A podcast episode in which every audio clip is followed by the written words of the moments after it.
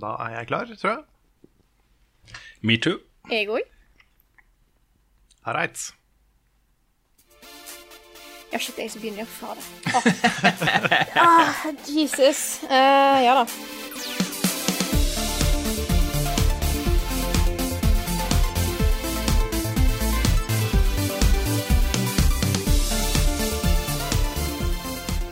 Hei og velkommen til enda en episode med Level Backup.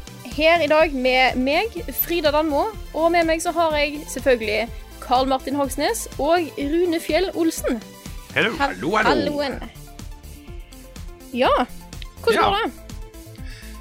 Ganske bra. Ganske bra, vil jeg si. Det, det er uh, mai. Det er litt kaldt, men ellers uh, Ellers ganske gøy om dagen. Ja. Jeg, eh, jeg sov litt dårlig i natt. Jeg fikk sånn her eh, Jeg våkna klokka sju om morgenen, og det er sånt jeg aldri gjør. Eh, Men jeg våkna klokka sju med liksom intens hodepine.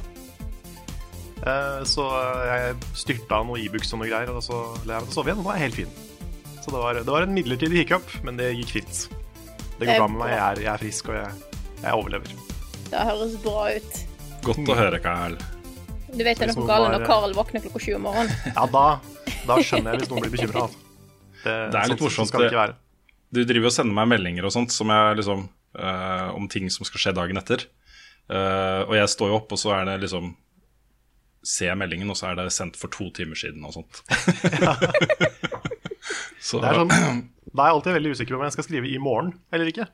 Nettopp. Det er sånn, eh, Skal vi møtes i morgen, eller skal vi møtes møtes? Mm, jeg tror du må begynne å bruke korrekt dato og klokkeslett. Kanskje Ja, tidssone. Kanskje, kanskje si dato. Ja. Mm. Mm, det er en god idé. Ja, Så må jeg liksom time svaret mitt litt også. Jeg vet ikke om du har liksom sånne der notifications på mens du sover. Jeg har ikke lyst til å sende meldinger og vekke deg liksom eh, Å ja, tidlig det- på morgenen klokka 11-12. Det går bra. Jeg har alltid på vekkerklokke for å sjekke meldinger. Ok, Så det, mm, det ordner seg. bra. Jeg skal, ikke, jeg skal ikke sove gjennom noe viktig. Ok. Høres bra ut. Men da Hvordan går det med deg da, Frida? Nei, det går eh, fint. Jeg har nettopp spist en nydelig lunsj med kyllingbagett og karidressing.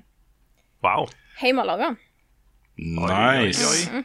Så jeg tror jeg har dressing overalt. Jeg tror det er liksom dressing i nesa mi og bare sånn everywhere. Eh, fordi at det blir jo så grisete. Det fins jo ingen god måte å spise sånne bagetter på. Nei, de må bare, de må bare fortæres. Ja. Så jeg står med en svær uh, rull med papir bare for å liksom få vekk det verste. Men jeg har en jeg, følelse av at det fortsatt er her. jeg sliter veldig med de burgerne på Egon. For de er jo, altså, jeg har jo ikke så stor munn. Det går jo ikke an å få den burgeren inn. Ja, du må liksom dele den opp i høyden. Det er ikke så, er ikke så lett. Hverdagsproblemer. Ja. Mm. Men eh, kanskje vi skal gå videre og snakke litt om hva vi har eh, spilt i det siste? Det kan vi gjøre. Hvem av dere har lyst til å begynne?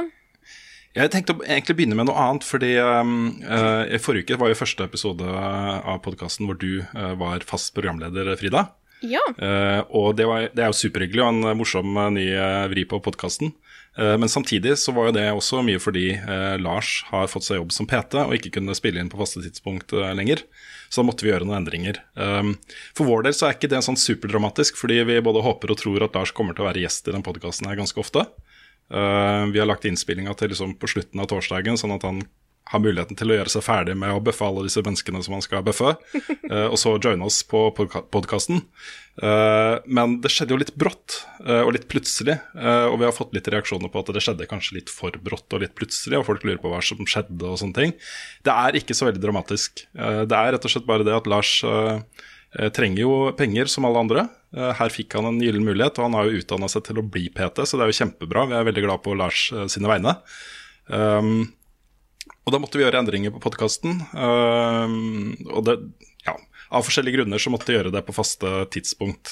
Uh, så da ble det dessverre bare sånn.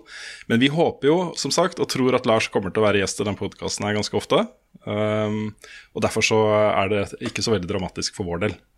Selvfølgelig er Lars viktig for level up og for oss. Men uh, det ble bare sånn nå. Så håper vi jo da at vi får inn så mye penger i dette firmaet etter hvert at vi kan bare ansette hele bunten på heltid, og vi kan bare sitte og lage ti podkaster i uka og masse videoer og, og sånt, uten å måtte tenke på PT-jobber og alt mulig rart. Mm. Det var samme et, et skriftlig løfte fra Rune om ti podcaster i uka, hvis vi får alt sammen. ja. ja. Ja, Nei, men nei, det er helt sant. Jeg håper, håper vi blir oss fire ganske ofte. Mm. Så ofte som mulig. Det tror jeg kan bli en kul, en kul greie. Ja, og folk Agreed. må ikke tro at jeg bare kom inn og har skubba Lars ut av eh, alt som heter level up. Det er, det er, ikke, det er ikke sånn det er meint. Nei, at du kom inn og bare dytta Lars vekk ja, fra stolen. Sånn, nei, nå, nå, hei, Lars, nå er det jeg som sjef. Mm. Nei, sant. Eh, så da, da, er det ikke. Nei, det er det ikke. Det er mer for at vi skal være tre stykker her fast. Og så er Lars med uh, så ofte han har muligheter, da. Mm. Mm. Og så er det jo også et uh, utrolig privilegium, da, fordi det en, uh, når man er en liten podkast med tre faste, uh, og den ene ikke kan spille inn på faste tidspunkt lenger, så er jo det litt krise. Men for vår del så var det ikke krise i det hele tatt, for vi har jo deg, Frida. så, så, ja, podkasten kan fortsette i litt ny drakt, men på en måte samme som før også. Så, så det er veldig, veldig bra. Mm. mm. Greit. Da ja. Skal det noen av dere få lov til å snakke om hva dere har spilt i det siste? ja, jeg begynte sist, så kanskje Carl kan begynne ja. ja, ok. Nå. Um, det er litt vanskelig for meg å prate om dette her denne uka her, fordi jeg har jo spilt et spill veldig mye. Uh, og det er, sånn, uh, det er, et sånt spill som ikke jeg får lov å snakke om. Jeg kan si hvilket spill det er. Det er jo The Surge, som er uh, det nye litt sånn sci-fi Dark Souls-spillet fra de som lagde Lords of the Fallen. Altså ikke de som lagde Dark Souls, men de som lagde kanskje det spillet som ligner mest på Dark Souls fra en annen. Um, Svendsen mener jeg ga det terningkast fire i VG i sin tid. Jeg mener det er riktig. Ja, jeg også mener at det er riktig. Så um, jeg var jo veldig spent på The Surge, og har nå spilt det nesten ferdig, tror jeg. Jeg vil like rulleteksten. Regner jeg med, hvis ikke det er en sånn supertwist om at eh, shit, spillet er dobbelt så langt. Det var Svendsen hele tiden. Det var Svendsen hele tiden. Han var The Surge. Shit. Nå spoila du spillet for meg og alle seerne. Lytterne. Vi hadde ikke lov til å snakke om det. Vi hadde ikke lov til å snakke om det. Nei, jeg hadde ikke det. Shit. Nei, jeg må, jeg må, vente med å si hva jeg syns. Men um, jeg kan jo si såpass som at jeg har mye på hjertet. Ja. Og uh, også må jeg si at det er veldig deilig. Det høres kanskje rart ut, men det er ganske deilig å ha en embargo igjen. Fordi nå har jeg anmeldt tre ganske svære spill som vi ikke fikk før lansering. Nå fikk vi jo The Surge før lansering. Og uh, bare det å liksom vite at det innslaget kan ikke bli ferdig før eh, på tirsdag. Det er deilig. Da slipper jeg å sitte med den der eh, for hver dag som går, jo mindre relevant blir det jeg skal si. ikke sant? Mm. Så, så, det er litt, litt, deilig. Det er lenge siden nå at jeg har hatt et spill eh, før lansering. Det er fint å ha den fristen å jobbe mot. Mm. Mm. Ja, og så er det jo Vi er jo journalister, liksom, og vi liker å være aktuelle. Um, og det er viktigere for oss å, å gjøre en, en skikkelig grundig vurdering. Eh, så det går på en måte ikke på bekostning av det. Men når vi har muligheten til det, har god nok tid og får ting i god tid før lansering uten uh, begrensninger på, uh, på, hva vi kan si og, og vise fra spillet, så, så, er jo det bare et kjempegode for oss. Veldig bra. Mm. Mm. Men en annen ting, da. Ja, nei, sorry. Nei, jeg, jeg, jeg har googla. Jeg kan bekrefte at du ga Lords of the Fallen terningkast 4. Svendsen ja. gjorde det. Ja, Svendsen gjorde det. Ja, Svendsen, ja. Da, da ja, Svendsen ga ja. Mm. Yes. Eh, nei, det andre jeg har spilt, det foregikk på stream i går. Og det var Nick og Lars og jeg som kasta oss ut helt blindt i Player Unknowns Battlegrounds. Og det er første gangen jeg har turt å vise mitt perspektiv i et skytespill på stream. Det er ikke så ofte jeg gjør, fordi eh, alle vet at det er den sjangeren jeg er desidert best i. Nå begynner den der eh, tingen med å våkne opp klokka sju om morgenen med hodepine og make more sense også. Ja, kanskje det er det. Kanskje det er stress. Ja. det er ikke umulig, altså. Men eh, nei, det var jo Jeg syns jo det var veldig gøy. Det var jo på en måte For de som har spilt litt sånn Minecraft, Hunger Games og den type ting, eller Survival Games heter det kanskje, de, eh, de kommer til å kjenne igjen mye. Det handler liksom bare om å være Du er 100 spillere. Du blir droppa ned på et svært kart, og alle skal drepe hverandre og plukke opp våpen og ting og tang. Så det handler bare om å overleve lengst mulig. Så det er eh, Det er, det er Hunger Games the movie, egentlig. Mm. så ble det jo en innmari morsom stream av det, og en grei, eh, et grei hint til oss uh, om at uh, hvis vi klarer å finne den type spill å streame, så, så er det morsomt både for oss å spille og folk å se på. Så en uh, litt sånn nyttig, et nyttig lite eksperiment, det der, egentlig. Ja, vi hadde jo Mario Kart i forrige uke. Det var litt samme greia. Så det, er, eh, det er gøy å spille sammen med folk som ser på. Så det har jeg lyst til å gjøre mer av. Men, eh, men ja, det var, jo, det var jo kaos. Vi var, det som var morsomt, var at vi var tre stykker som aldri hadde spilt før. Og vi fikk jo stadig inn en fjerdemann som kunne ting. Det var folk som hadde spilt uten oss. Men det var delay på det de hørte. Altså, de, de kunne si ting til oss direkte i spillet. Men vi kunne ikke svare direkte, for vi hadde ikke på voice, for det hadde blitt ekko på streamen. Så svaret de fikk fra oss, kom sånn fire sekunder etterpå. Og det endte jo da med at alle de som ikke hørte han fjerde personen, de snakka jo over han. Mens han ikke hørte svaret han fikk fra oss. Så det var en veldig spennende måte å kommunisere på. Så det ble Ja, det, det føltes som en litt sånn krigskaos oppi det hele. Det er et innmari kult konsept, for dere gikk inn som et lag, ikke sant? et firemannslag. Og det hadde vært så gøy hvis dere var de fire siste gjenlevende. Da hadde streamen blitt morsom, da. Ja, For da måtte dere jo begynne å knerte hverandre, ikke sant? jeg tror det. Ja, jeg tror det. Jeg vet Ja, Det skal være, sånn- det skal være én, én gjenlevende. Å ja, Ja, jeg trodde det, det var bare et team, liksom. Som Ja, fordi du blir jo ranka på teams, så det kan hende at uh, hvis du går inn som lag, så vinner du. Ja, kanskje.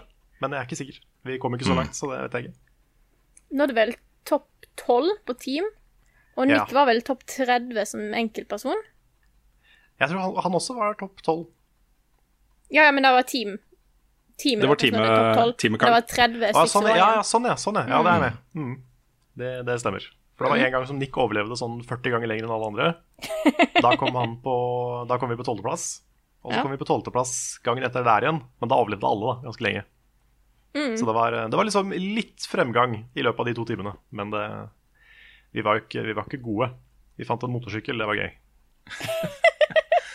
Og så liker jeg så innmari godt Nicks innlevelse når han spiller den type spill. Mm. Han går jo veldig inn i rollen og, og har det gøy, liksom. Og det er så morsomt å høre på. Oh, Det ja. er det. Det er, det er gøy å spille med Nick. Mm. Yes, det er, det er meg. Rune? Du da, Frida? Ja, eller du? Nei, jeg har lyst til å være til slutt. Ok. Um, jeg har jo spilt Pray, og i forrige podkast snakka jeg om hvor mye jeg gleda meg til å sette meg ned og kose meg med Pray hele helgen. Uh, I realiteten så uh, ble det litt, uh, litt ambisiøst av meg. For helgene er litt vanskelig, særlig når det er liksom kjempefint vær og vi er ute hele dagen med ungene og sånne ting. Og det kommer hjem da og sette seg ned for å spille et spill for anmeldelse blir ganske tungt. Så jeg satt liksom på lørdag kveld og satt meg ned og skulle spille videre. da. Uh, og tenkte vet du hva, jeg er så sliten nå, det er bare å gå helt rundt i hodet mitt. Så jeg sendte en melding til Nick, så det er han som tar den anmeldelsen. Um, det er litt dumt. Grunnen, grunnen til at jeg gjorde det sånn, er at hvis, hvis jeg hadde liksom fortsatt å skulle anmelde det, så hadde jeg ikke vært ferdig med det spillet ennå. Uh, nå er vi på torsdag, liksom. Så det er rett og slett bare for å få litt fortgang i anmeldelsen. Eh, og så må jeg også si at eh, holy moly, de anmeldelsene til Nick de begynner å bli ekstremt bra nå. Altså. Så, så jeg, det var litt sånn derre Delvis det at jeg hadde lyst til å se hva Nick fikk ut av Prey, var på en måte en av en faktor da, eh, i at han fikk det. Men jeg har jo spilt det, og jeg er fryktelig glad i det spillet. Jeg syns det er kjempegøy. Jeg, jeg elsker at, uh, at uh, de behandler meg som en voksen, tenkende person, og ikke bare uh, sier ok, du må gjøre sånn og gå dit og gjøre det og sånt. Du kan eksperimentere og uh, tilpasse spillestilen etter din egen personlighet og, og styrker og svakheter og sånne ting. Og så er det level design, setting, storyen, måten ting presenteres på, er bare så utrolig fett. Det er så kult og friskt og annerledes. Og en sånn helt nydelig forlengelse av de konseptene som vi elsker fra System Shock og Bioshock. uh, dette her. Så um, jeg har ikke kommet fryktelig langt uh, i spillet, men jeg har en mistanke om at jeg kommer til å like dette spillet innmari godt resten også. Så, så spent på fortsettelsen her. Er det, du får klippe det bort hvis det er en spoiler, Rune. Men jeg har hørt fra Nick at du kan være en banan. Ja, altså, dette har jo vært, eh, vært eh, kjent en stund, for du får jo altså eh, Den alien-entityen i dette spillet her, de kan jo gjøres om til hva som helst. Ja, ok. så, så det, og den kraften får du òg, da. Så du kan liksom gjøre det om til en kaffekopp som ramler ned fra bordet og triller under en sprekk, og så sanne ting, liksom. Ja, det er stilig. Ok, da er jeg med. Så, så det, er, det er utgangspunktet der. Og mye av eh, sånn enemy battles og sånt er jo at du kommer inn i et rom, og så ser du disse skyggetingene. Uh, som da forsvinner rundt et hjørne, og så hører du liksom at det er en gjenstand der inne som, som begynner å bevege på seg. Og så kommer du inn, og så står det liksom masse ting i det rommet der, og en av de tingene er den alien-tingen. så det er ganske kult. Uh, dette, også, dette ble også kjent i den timelange demoen av spillet. Så det er ikke noe sånt som kommer sent i spillet, for å si det sånn. Ok, Det er ikke Mm. plot twist, du var en banan hele tiden. Nei, det er det ikke. Nei, men da er det sikkert greit. Og så har jeg eh, det, det er veldig kort da, som jeg har spilt det spillet. Eh, det var rett før vi satte oss ned her. Men jeg så i dag at eh, helt plutselig så kom det som kanskje er mitt favoritt Resident Evil-spill, eh, Resident Evil Code Veronica X, ut på PlayStation 4. Eh, Dette er da PS2-versjonen. Det kom jo originalt på Dreamcast, hvis ikke jeg husker helt feil. Eh, og så ble det porta til PS2, og så kom det eh, litt senere en sånn litt oppussa versjon. som jeg tror de lanserte på PS3, hvis ikke jeg husker helt feil. PS3 og Xbox 360. Eh, så dette er da PS2-versjonen, så det ser jo ikke super slikt ut. Men det var et hyggelig gjensyn. Veldig knotete å komme tilbake til det kontrollsystemet. Eh, for det er jo ikke en sånn 360 graders kontroll av figuren. Eh, Når du trykker opp, så går karakteren din framover, uansett om karakteren ser på deg Å ja. eller Ja, det er, sant? det er tank okay. controls. Ja. Så, så det, og det tar litt tid å venne seg til også. Det er rart, det der. Men- fordi vi, vi snakka litt om det i ICO, og så har jeg spilt eh, Kingdom Hearts med Kristine. At det er mye Det er mye som er vanskelig å gå tilbake til på PlayStation 2. Mm. Man tenker liksom ikke at det er lenge siden, men det Ja, vi har kommet ganske langt siden da, altså. Vi har det. Og så er jo hele spillet designa rundt det også. Det er jo ikke sånn at du må eh, superraskt reagere på alt mulig rart hele tiden. Det er jo mer et sånn seigt, stille skrekkspill eh, som går litt treigt, da. Så du får som regel tid til å reagere eh, eh, innen rimelig tid, hvis det kommer zombier og sånne ting. Og så er det jo helt hysterisk festlig dialog og, og cutscenes og sånt her også. Det er skikkelig, skikkelig gøy å se på. Sånn throwback til gamle dager. Så det skal jeg spille mer. Kanskje et klassikerinnslag etter hvert. Det er kult. Jeg kan jo jeg kan nevne én siste ting også, som jeg ikke har spilt, men som jeg har lyst til å spille. Jeg så um, hun som har laga Hun som synger den der sangen i To the Moon. Den Everything's All Right-sangen. Hun har laga et spill som heter Jaha. Rakuen. Som, er på, som også er et RPG Maker-spill, i samme stil som uh, To the Moon. Så det, etter jeg er ferdig med The Search, så har jeg lyst til å sjekke ut det. Det var veldig fin musikk i det. Egentlig nesten det eneste jeg vet om. Men det handler om en gutt i et sykehus, tror jeg. Og mammaen hans. Som drar på noe sånn fantasy-eventyr. Så det, det skal jeg sjekke ut. Stilig. Ja, kult. Ja, Da er det min tur. Og grunnen til at jeg har lyst til å være sist, er fordi at jeg er nå inne i den delen av livet mitt som heter eksamensperiode. Eh, som vil si at eh, mesteparten av tida går med til eh, å lese om ting som ikke er gamerrelatert, men mer fag og sånt. Så jeg har ikke spilt noe som helst den siste uka, og det er nesten litt trist.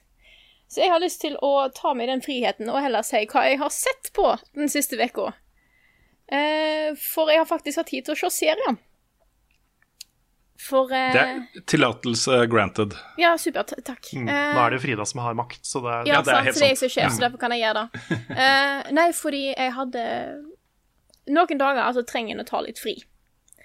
Og tirsdag var en sånn dag. Da hadde jeg sittet på skolen hele dagen, gikk hjem, skulle lage meg middag, så skulle jeg gå og lese enda mer, var planen. Men det som skjedde, var da at jeg lagde meg mat, satte meg i sofaen, og satt i sofaen og så på Netflix i sju timer. Wow. Ja. det var jo ikke helt uh, det som var meninga med den dagen, men jeg begynte å se på episode 6 av 13 Reasons Why. Og da var jeg jo så godt i gang at da så jeg resten òg. Så den uh, da har jeg fått sett ferdig. Og herregud, for en trist serie, egentlig. Jeg vet ikke om noen av dere to har sett den?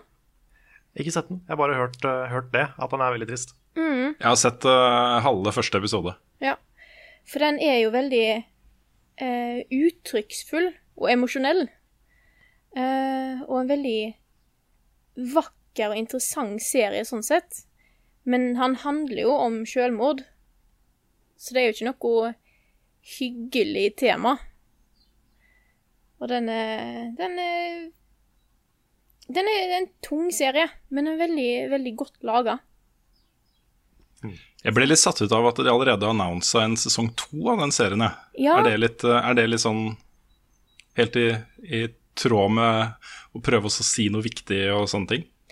Jeg er litt sånn usikker på de tenkt, hva de har tenkt å gjøre der.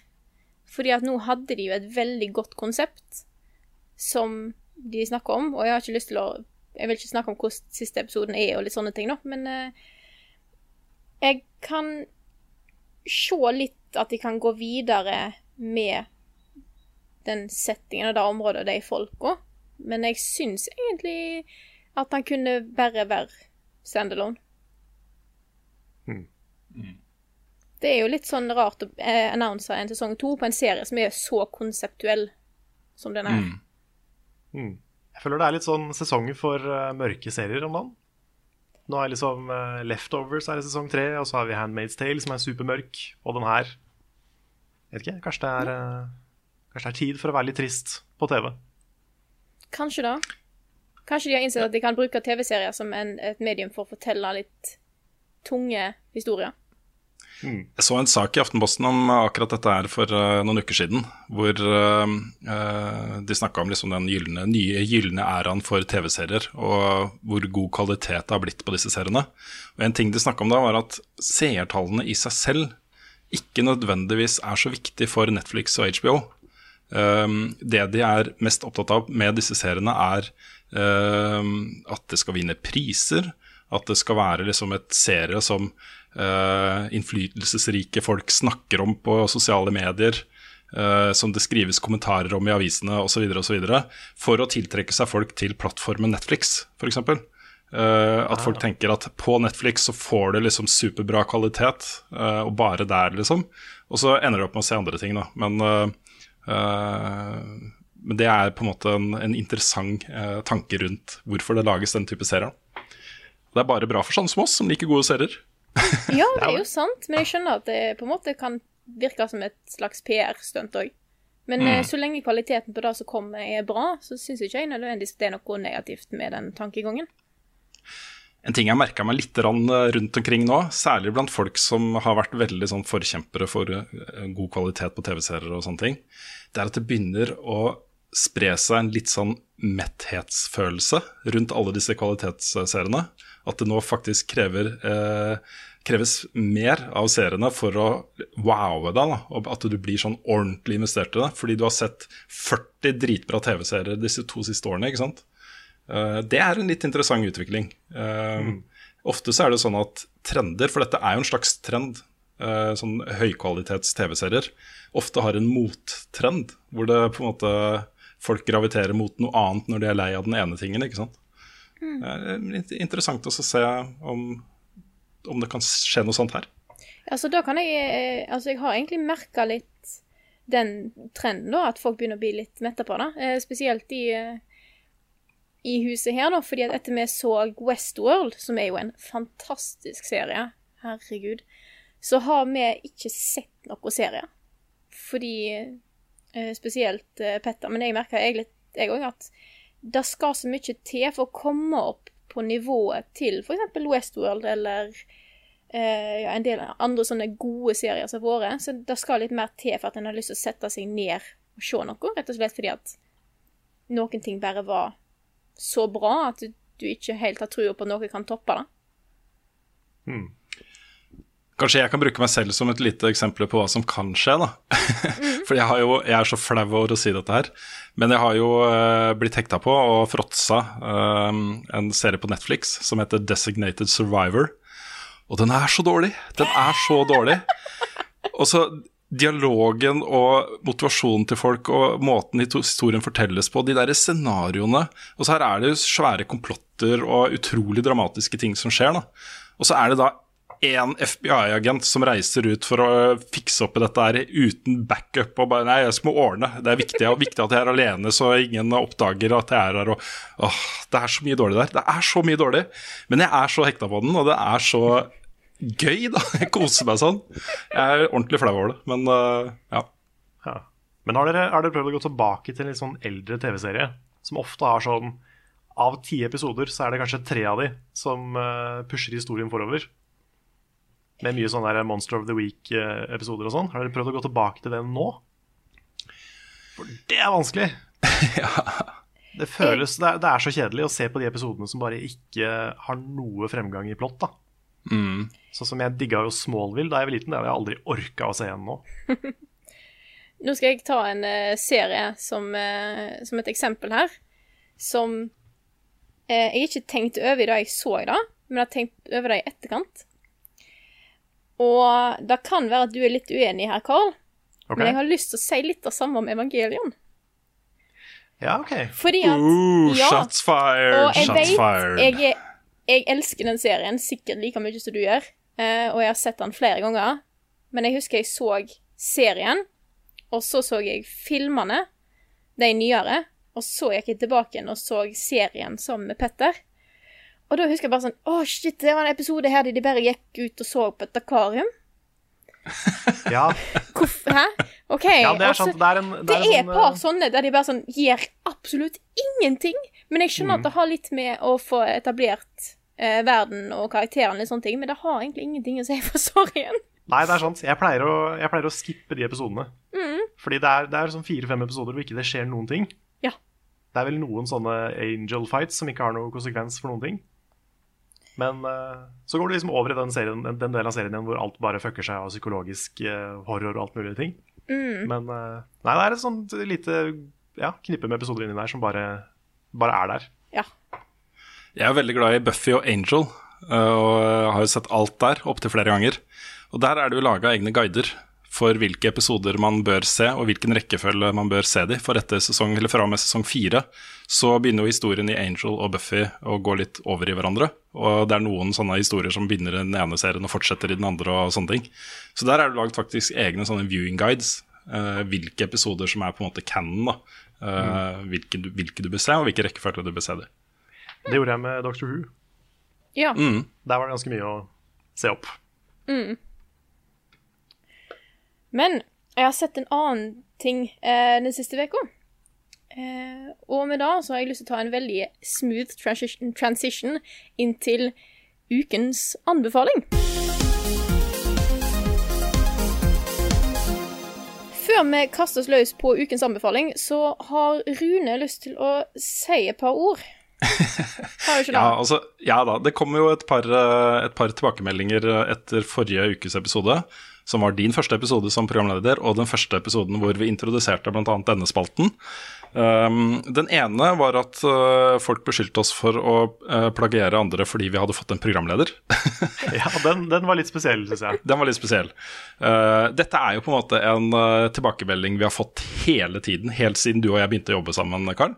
At folk, folk, gjerne skulle se at, at, at en av oss var liksom hovedprogramleder og den andre og Da snakker vi sånn TV-faglig mer, da. Ikke sant? At det er lettere å se på for andre hvis det er én som er programleder, og så er en annen mm. sånn sideprogramleder. Men det å ha én programleder er en bra ting, i hvert fall for en podkast hvor man er flere. Så, så det er bare det. um, den andre tilbakemeldingen er det mer hold i, kan man si. og det er jo spalten, ukens anbefaling. Uh, som um, flere helt korrekt har påpekt at Lolbua begynte med Jeg vet ikke når de gjorde det. Og jeg har hørt det i Lolbua. Uh, jeg hører på det ikke hver episode, men innimellom. Uh, men jeg tenkte rett, og slett ikke på det da vi snakka om, om, dette her. Eh, tanken var rett og slett bare at vi pleier jo å snakke om masse ting, som vi akkurat har gjort med TV-serier og sånne ting, eh, og heller bare pakke det inn i en sånn segment da, i podkasten. At ikke jeg kom på at Lolbua hadde gjort akkurat det samme tidligere i år, det, det er litt rart. Men uh, selvfølgelig, det er, uh, det er en helt lik spalte som Lolbua har. Så ja. Ja. Vi tar selvkritikk på den, og så eh, anbefaler vi alle å høre på Lolbua også. Ja. Absolutt. Men da tar jeg ansvar og kaster meg ut i ukens anbefaling. Do it. Fordi eh, en annen ting jeg har sett, eh, er en film som går på kino rundt omkring i landet nå. Og da er filmen Your Name. Og den er Den er ny i Norge, men den har jo vært ute i Japan ei en stund, og vært på kino rundt omkring i USA i tillegg. Men jeg tenker han kan likevel er aktuell her, da, siden han faktisk fortsatt, eller nå går på kino i Norge. Og for å oppsummere da, den filmen, så vil jeg si at det er den, den vakreste animerte filmen jeg har sett i den siden. Wow. For det er noe Det er bare fantastisk laga. Det har eh, mange sånne store scenery shots som er eh, tegna og animert på en måte som du ofte ser i vanlig film. Der du har et overview av en, by, og så ser du at det går liksom hele dagen, at du har mange stillshots, sånn at du får sett sol og går opp og går ned og sånne ting. Mye sånne ting som bare ser så virkelig ut. Og er animert så godt og så flytende. Og så vakkert at jeg, jeg har ikke sett maken. Jeg har så lyst til å se den filmen, altså. Og, mm. ja. Jeg har sett plakaten mange ganger, og jeg har tenkt at den må jeg se, men jeg aner ikke hva den handler om, egentlig. Jeg vet ikke helt om jeg har lyst til å gå og snakke så mye om plottet, egentlig. Eh, for eh, jeg tenker det kan være kjekt å være for folk å oppleve denne filmen her. Jeg har sett eh, traileren, og det er jo på en måte litt sånn offentlig informasjon, vil jeg si. Ja. Um, bare sånn for å ta det veldig vagt og generelt, så er det vel snakk om to personer som bor på forskjellige steder, som har en, en eller annen form for connection. Er ikke det Ja. Ja. Det er en, eh, det er en grei måte å se det på. Det handler om ei jente som bor eh, ute på landet, i, et, eh, eh, i en sånn fjellandsby, og en gutt som bor i en storby. Og så får en se litt av deres connection, da. Mm. Åh, det er litt vanskelig å komme meg på kino, rett og slett. Nå er det tre filmer som går på kino nå, uh, som jeg ikke har fått sett, og som jeg har så lyst til å se. Og det er uh, Your Name, og så er det Guardians. Eh, det er fire filmer. Og så er det John Wick 2, og så er det Get Out. Alle de fire er sånne der filmer jeg har gått og gleda meg til kjempelenge. Eh, men jeg kommer meg jo ikke på kino. Det er for mye, det er for vanskelig, rett og slett. Ja. Guardians har jeg sett, den er veldig verdt å se. Mm. Jeg har også veldig lyst til å se Get Out. Men Jeg fikk sett Logan, da. Jeg vet ikke om jeg tør å se den på, ja, på kino. Bedre å se den på kino da, sammen med masse andre mennesker, Carl.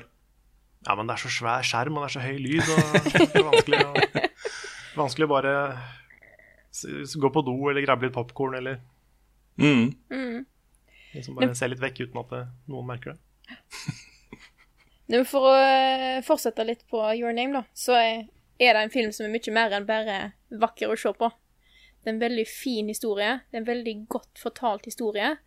Eh, og gjennom hele filmen følte jeg ikke at det var noen ting som var unødvendig eller langtrekkelig. Han har så gode overganger og eh, så god måte å fortelle historien på. Så den eh, den traff meg. Det var en veldig, veldig fin film, både story og visuelt messig. Den må ses. Og den går, for de som er redd for det, han går med japansk tale. Jeg tror det er kun japansk tale han går med. Så det, en trenger ikke være For de som er glad i originale stemmer, sånn som jeg er, så eh, it's good. Da har vi kommet til ukens nyheter, og der kan vel eh, nyhetsanker Rune ta litt eh, ansvar her.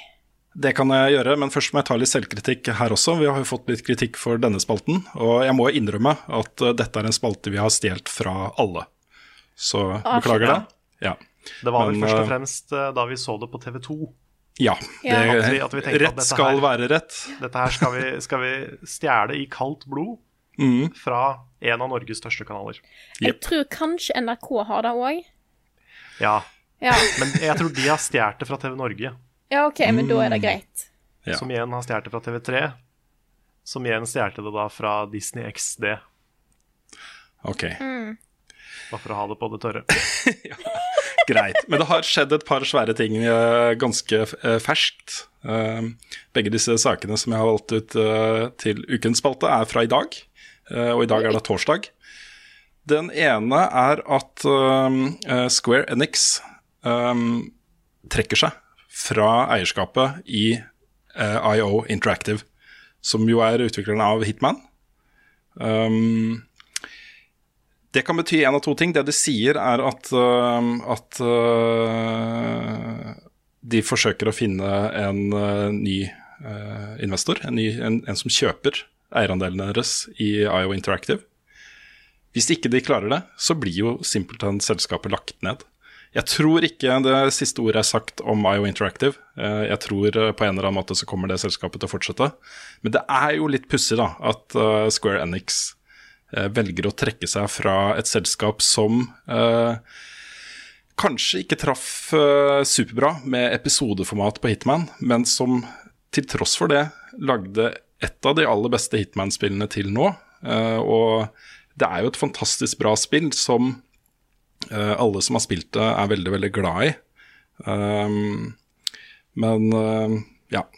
Det høres litt rart ut, og i hvert fall når de samtidig eh, rapporterer om eh, svære overskudd, og uh, Tomb Raider har gjort det bra, og Fine Fantasy 15 har gjort det bra, og, sånt. Så, så jeg kom litt sånn fra in intet, akkurat den annonsementen der. Ja. Hva skjer med Hitman sesong to hvis eh, dette her ikke går gjennom? Altså Hvis ikke de finner noe ny Er det, er det, jeg tror ikke det er bekrefta at de skal lage episodeformat på sesong to. Er det ikke det? Jeg tror ikke det. Jeg mente jeg hadde hørt det, at det var, Ja, kanskje. at det var flere episoder på vei. Men eh, Let Frida google that for you. I will google that for you. Eh, nei, eh, jeg, Det jeg tror, da, er at, eh, at episodeformatet var noe mange elska. Eh, og det er en veldig spesifikk type spiller.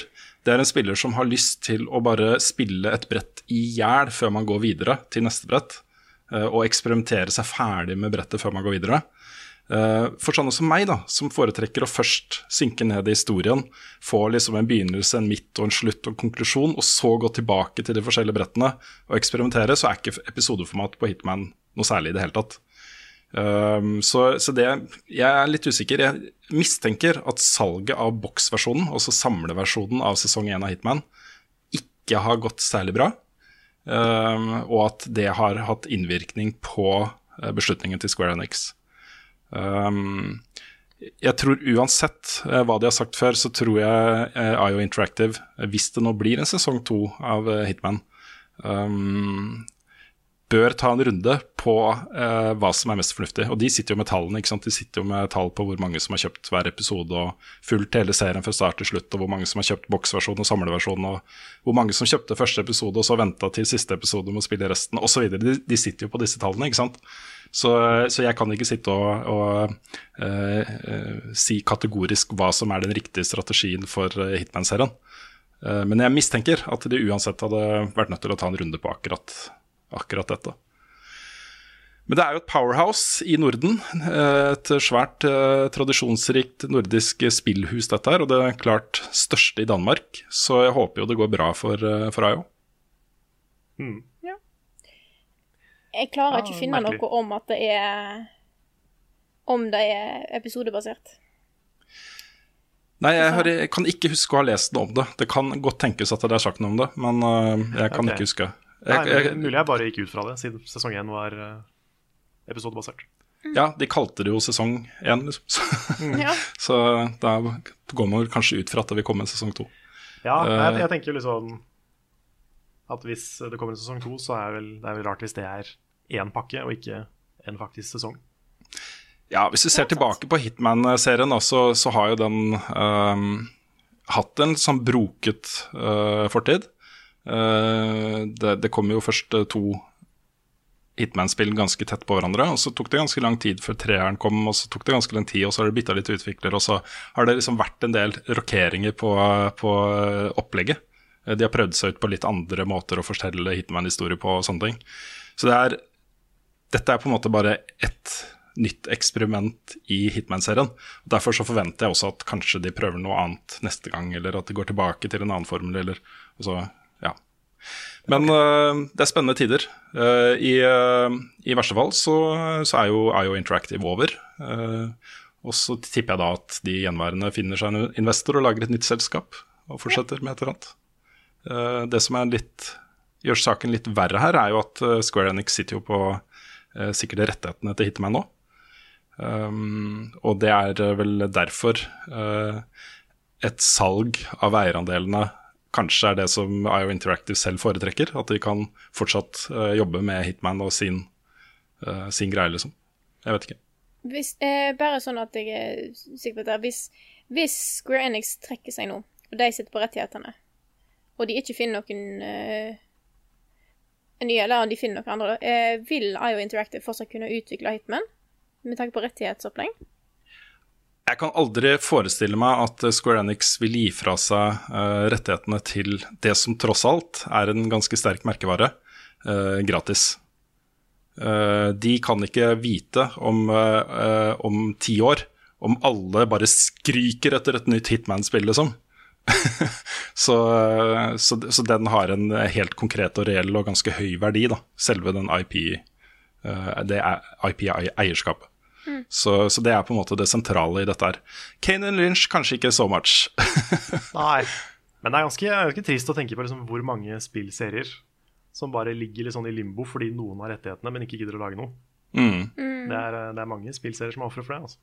Mm, det er helt sant. Så det er, det er synd. Greit. Uh, nyhetssak nummer to. Uh, da skal vi til BioWare og Mass Effect. Uh, det ja. går nå rykter om Uh, fra flere hold. Det er ikke bare ett medium som, uh, som presenterer den nyheten her.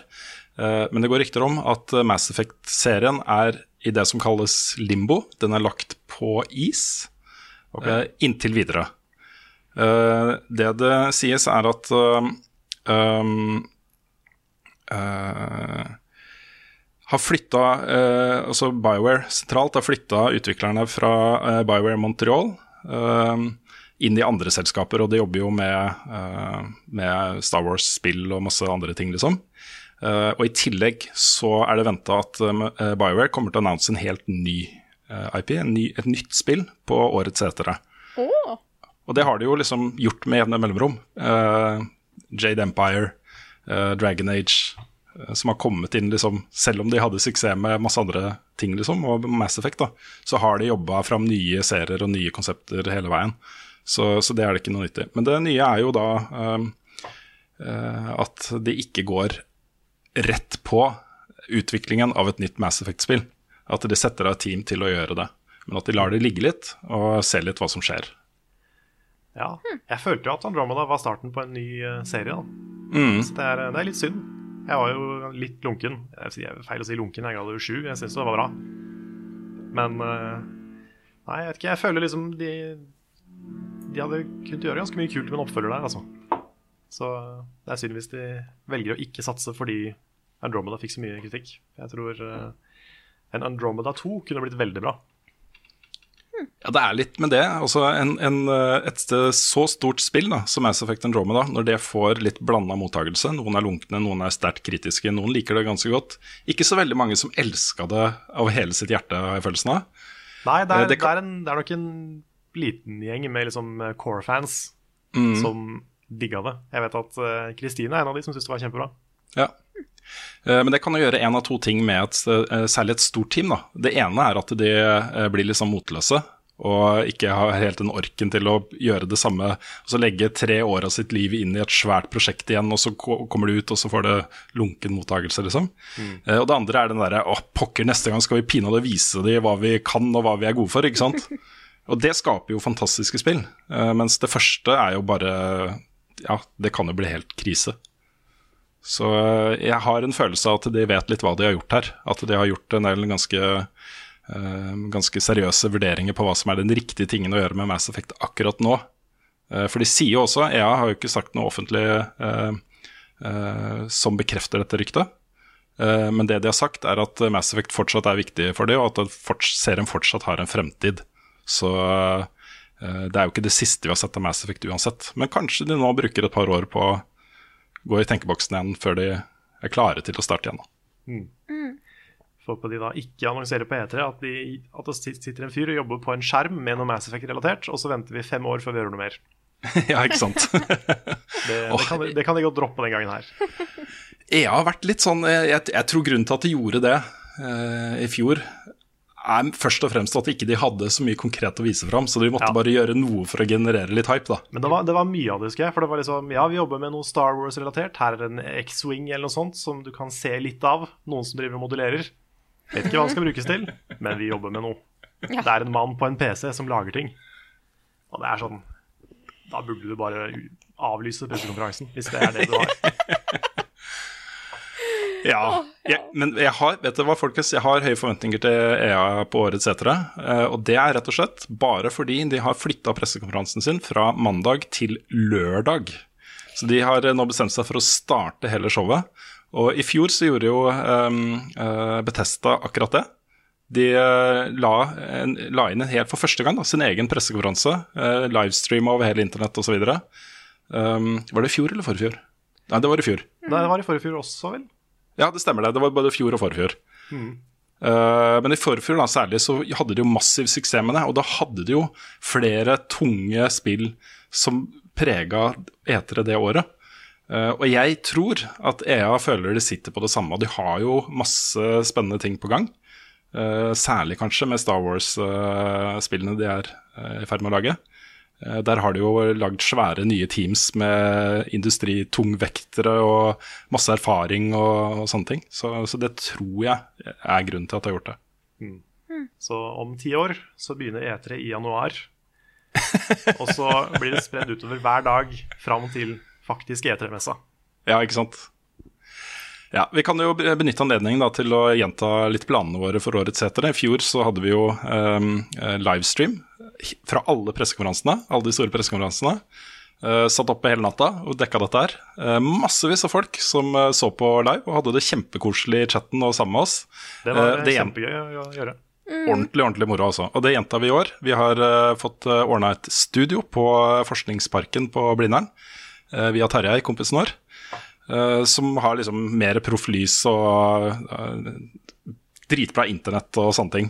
Så det her kommer til å bli kanonbra, og vi har bestemt oss for å starte da med EAs pressekonferanse, selv om det er på lørdag. Uh, så vår livedekning fra årets etere begynner vel sånn i 7-8-tiden på kvelden. Den, er det den 10. juni? Lørdag 10. 10. juni. Mm. Ja. Og vi kommer til å fortsette. Vi kommer til å sove på dagen, så da blir det ikke livestream.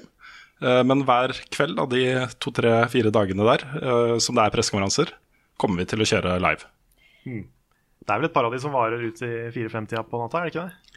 Sony sin har jo hatt en eh, tradisjon for å gjøre det, og jeg tror Microsoft sin, for den er også flytta. Den er flytta fra mandag til søndag. Eh, og det gjorde de før de visste, tror jeg, at jeg hadde flytta fra mandag til lørdag. eh, så det er litt sånn konkurransen nå, tror jeg, om å komme tidlig ut. Eh, men den tror jeg starter på kvelden, og vil da norsk tid være midt på natta.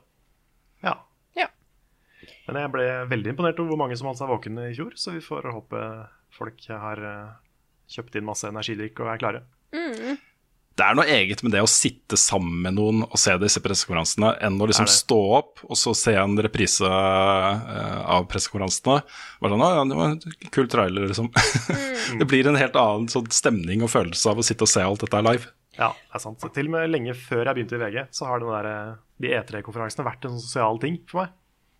Vi pleide å liksom samles hos en kompis og kjøpe masse godteri og sitte og se på det til langt på natt. Det var kjempegøy. Da har vi kommet til ukens tema, og i dag så er det Rune som har, te har et tema han har lyst til å ta opp. Ja, det er en ting som har, eh, som har eh, opptatt meg ganske lenge, egentlig, men som jeg føler at eh, begynner å tilta litt i styrke akkurat nå. Så på tide å snakke litt om det. Vi skal snakke om lekkasjer, nærmere bestemt spilllekkasjer.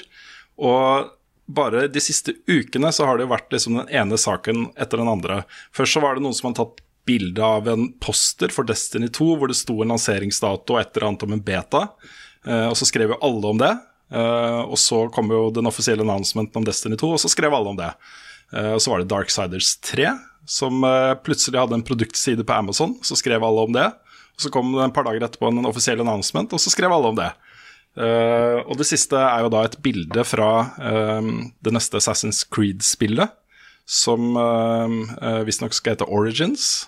Uh, det er et off-kamera bilde av en skjerm med et skip og noe greier. Og that's it, liksom. Det er det som- er informasjonen om dette her. Så skriver alle om det. Eh, så er det noen kilder som bekrefter at det er ekte, så skriver alle om det. Og så kommer den offisielle annonsementen på en pressekonferanse kanskje på Etera, så skriver alle om det.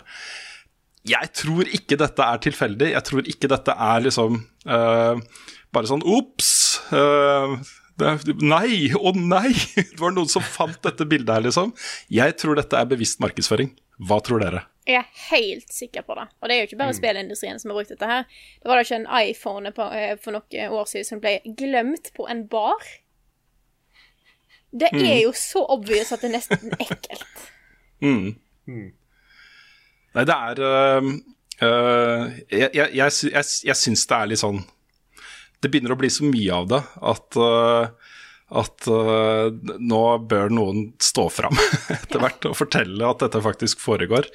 Eh, fordi jeg syns liksom allerede den der PR-syklusen og den PR-strategien til publishere er litt sånn derre sånn vanskelig å være med på fordi den er så PR-styrt. ikke sant? Eh, Du blir mata med informasjon som du servilt presenterer til dine seere og lesere. eh, og Du får bare den informasjonen. Og så går det liksom eh, noen uker, og så har de litt ny informasjon, og så blir du servert den informasjonen, og så presenterer du den informasjonen. Veldig lite sånn type avsløringer, eller at man eh, får bedre tilgang til utviklere og, og sånne ting.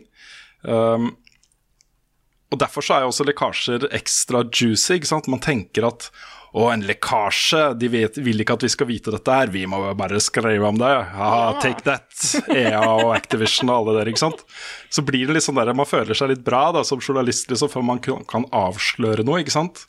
Eh, og så er det da kanskje eh, en eller annen fra et PR-byrå som har gått inn på et eller annet forum som anonym bruker og posta et bilde, ikke sant. Uh, uh, og så har da en journalist sett dette bildet og ringt liksom til sin kilde som er nær dette teamet, og fått kanskje bekrefta at du må ikke si at jeg har sagt dette, men ja, det stemmer. Og, og, så, og så er det i gang, ikke sant. Eh, og påstanden om at dette ikke skjer, er jo basert på at hvis dette skjer, så ville det Altså det er for vanskelig, da, for risikofylt å mate presten med den type lekka informasjon.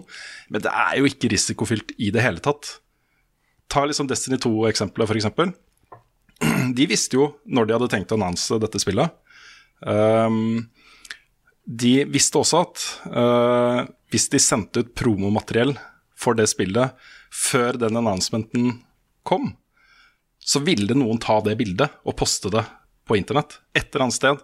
Og her var det jo da en spillbutikk, tror jeg, i Italia eller noe sånt, som, eh, som sto for da eh, denne lekkasjen. Kanskje til og med denne butikken hadde fått promomateriellet noen dager før alle de andre, ikke sant. Eller eh, gitt eksempel, da. Jeg, dette er bare antagelser. Jeg må liksom være litt forsiktig. Jeg kan ikke anklage dem for, for dette. her. Jeg har ingen beviser for dette. her. Det er bare antagelser og, og løse tanker rundt det. Det er jo eh, stygt å si at alle sånne lekkasjer er eh, med vilje.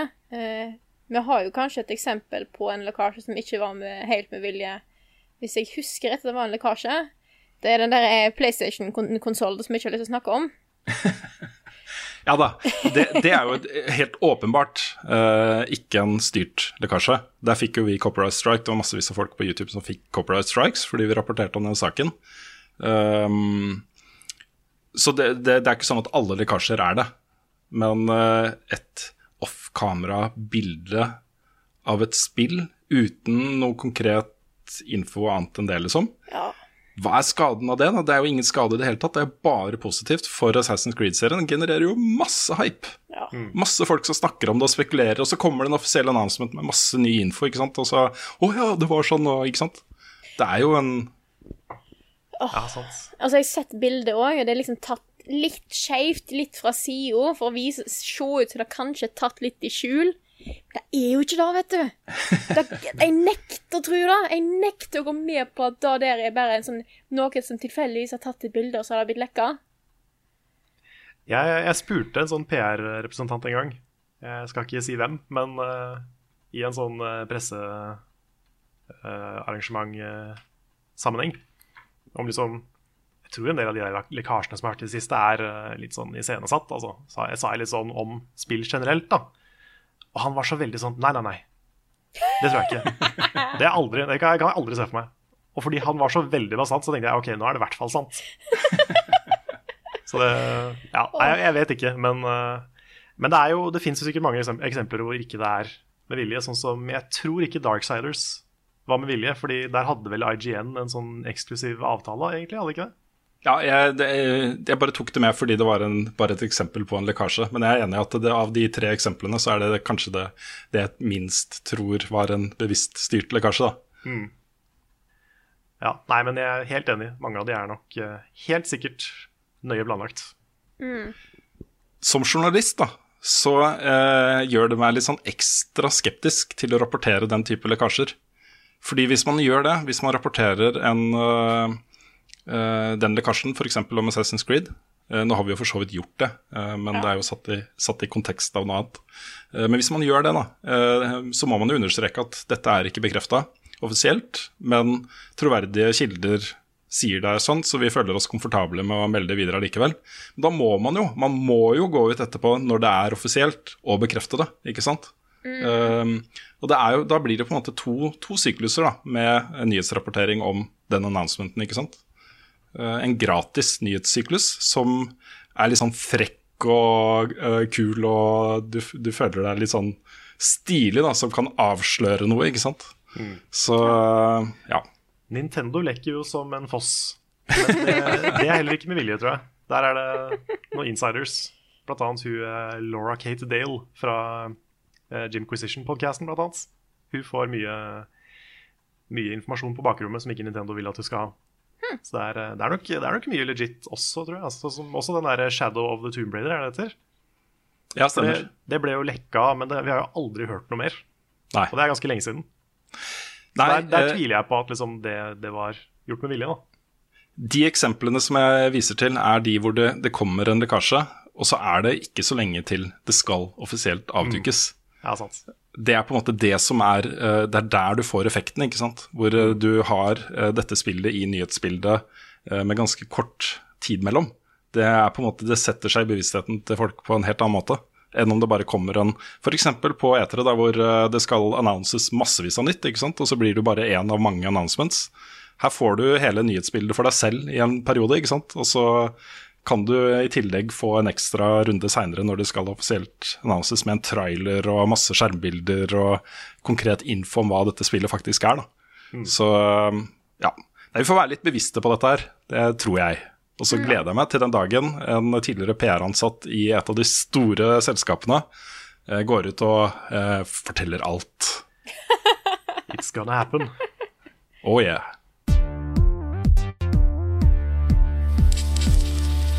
Da har vi kommet til spørsmål- og svarspalten. Eh, og denne har vi vel eh, stjålet fra en annen eh, plass, har vi ikke det? Jo, eh, det, vi må innrømme at det er Altså, vi har jo som alle andre sett på amerikansk eh, valgkamp, og der har de sånne town hall meetings.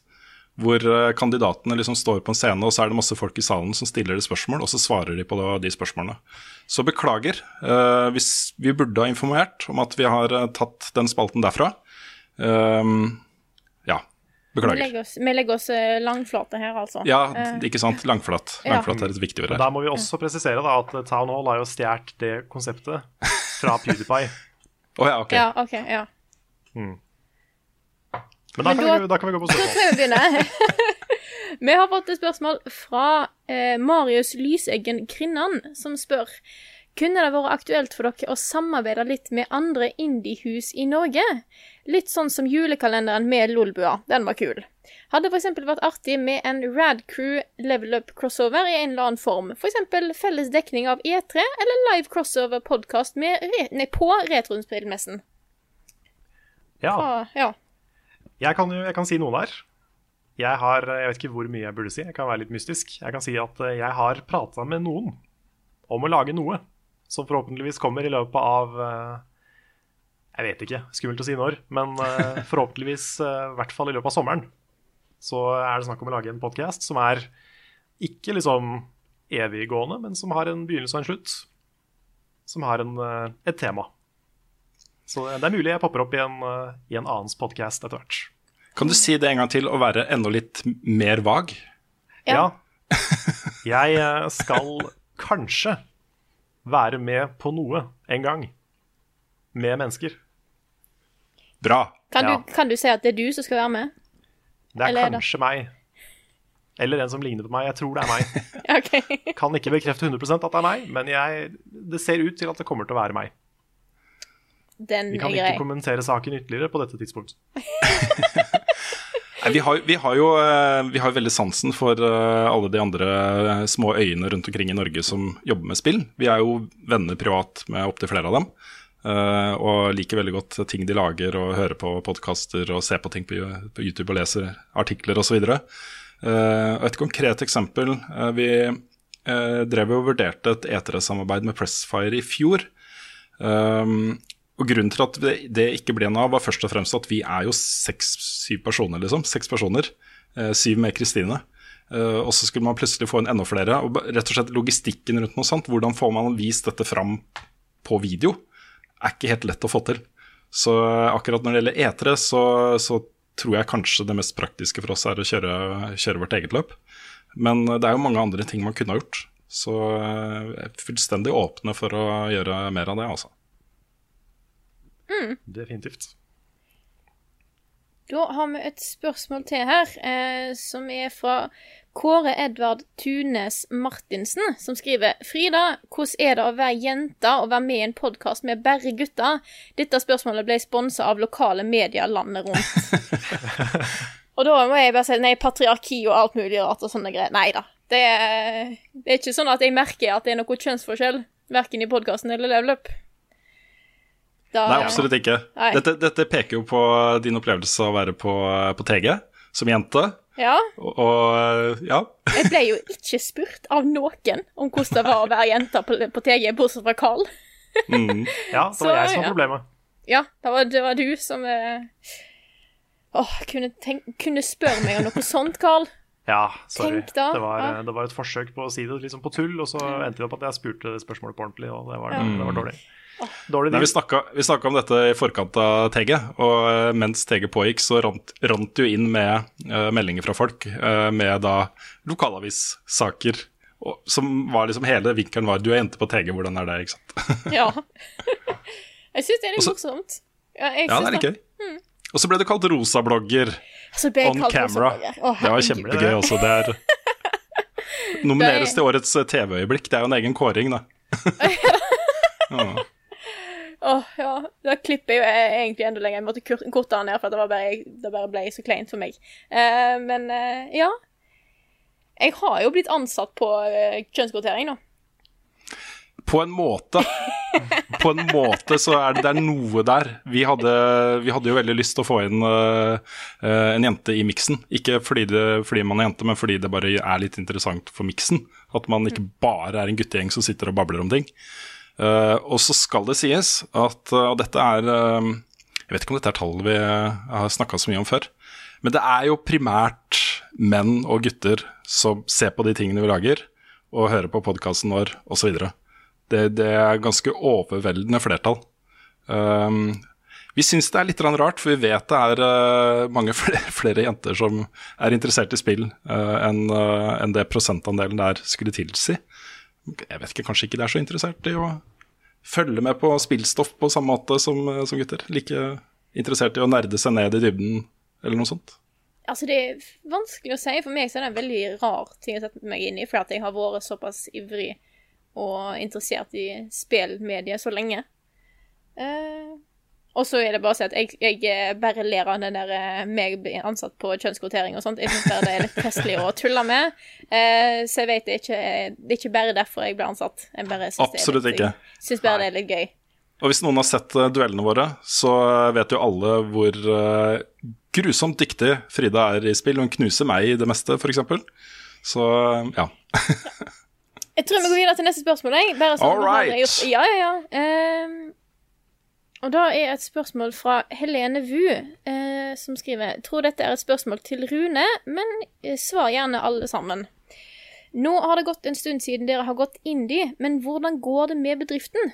Underskudd hver gang, et par kroner i overskudd, eller kommer dere akkurat til på nullen? Eh, I kroner og øre så går vi litt minus hver måned, er ikke det riktig, Karl? Litt minus er vel riktig, men vi sparte ja. opp en del første året ved å ikke, ikke ta ut lønn og sånn. Ja, vi hadde jo sluttpakker eh, en- god stund, så, så eh, vi kunne liksom tillate oss å la bankkontoen vokse litt.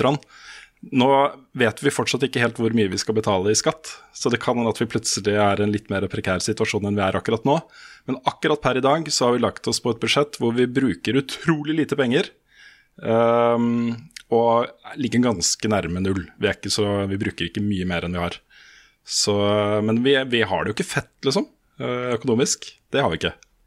Nei da, vi må, jo, vi må jo ta ut lønn vi har råd til som selskap. Så det er jo eh, Det er jo ikke økonomisk eh, gullgruve, dette her, men det er jo Det er jo verdt det. Vi, er jo, vi jobber jo med det vi elsker å jobbe med. Så Mm. Men planen er vel ikke at det skal være sånn for alltid heller? nei da. Vi har jo ting Vi har jo jern i ilden, for å si det sånn. Og det, det nærmer seg jo ting der også. Ja da, vi får jo eh, stadig oppdateringer om at ting er veldig nærme. Og eh, det her blir jo gjentagelse. Vi har sagt det så mange ganger at vi begynner å bli litt, lei av å snakke om det selv også. Skulle- ønske vi bare kunne annonse at ok, her har vi den og den avtalen. Uh, men vi har, en, uh, vi har en avtale om et eh, TV-program som uh, ligger og bare venter på finansiering. Eh, og vi har også en, eh, en eh, samarbeidsavtale, uh, partnerskapsavtale med moderne media, som jobber med uh, sponsorat og annonser her og der. Og i begge de tilfellene så, så får vi vite at, at ting liksom, går veldig bra og ligger veldig nærme og sånt. Det er bare litt store summer det er snakk om, så det tar litt tid å lande en, en god, konkret, konkret avtale. Men håpet vårt da, det er at det kommer inn en sånn avtale som blir da den siste halvdelen av det vi trenger for å uh, ha liksom en, en solid drift da, av selskapet. Og så sier det mange som spør om, eh, om den TV-avtalen, og om man skal være på TV eller nett-TV og sånne ting. Vi kan vel ikke snakke noe om den? Nei, Nei. det kan vi ikke. Så da eh, har dere svar på det, dere som lurer på det. Men vi kan ikke si noe. Så da er jo Kan ikke kommentere ytterligere på dette. Nei, sant. Nei. Det eneste vi kan si, er at hvis du går på et eller annet forum, så ligger det et sånt uh, skjermbilde, offscreen skjermbilde av konseptet. Uh, dere hadde det ikke fra oss. Nei. Dere hadde nei. det fra den anonyme brukeren. Ja, et eller annet. Men det er, det, er sykt, det er sykt flaks, da, for det står liksom hvert eneste bullet point på hva det er for noe. Så det er egentlig et perfekt bilde, bare tatt litt sånn på skakka.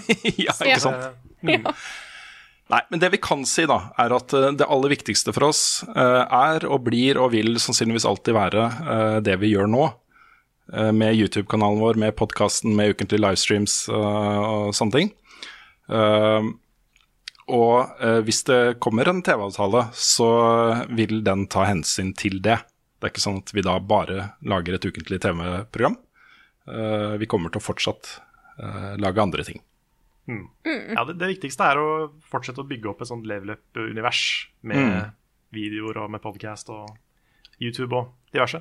Mm. Det er det, Og det, er det som er oss. Ja, og En sånn siste liten uh, oppdatering der. Uh, det som blir viktigst for oss i nærmeste fremtid der, det blir jo å få på plass hjemmesida vår uh, og ny logo. Så når vi har det på plass, så kan vi liksom pushe det litt mer, da. Ja. Yes. så har vi Skulle du si noe?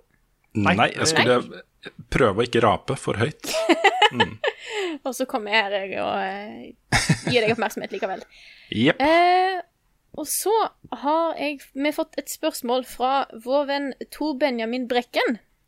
Hei, Tor Benjamin. Han fikk jo eh, på mange måter drømmejobben. Ja, Han gjorde det. Eh, hvis man er interessert i film, da. mer interessert i film enn i spill.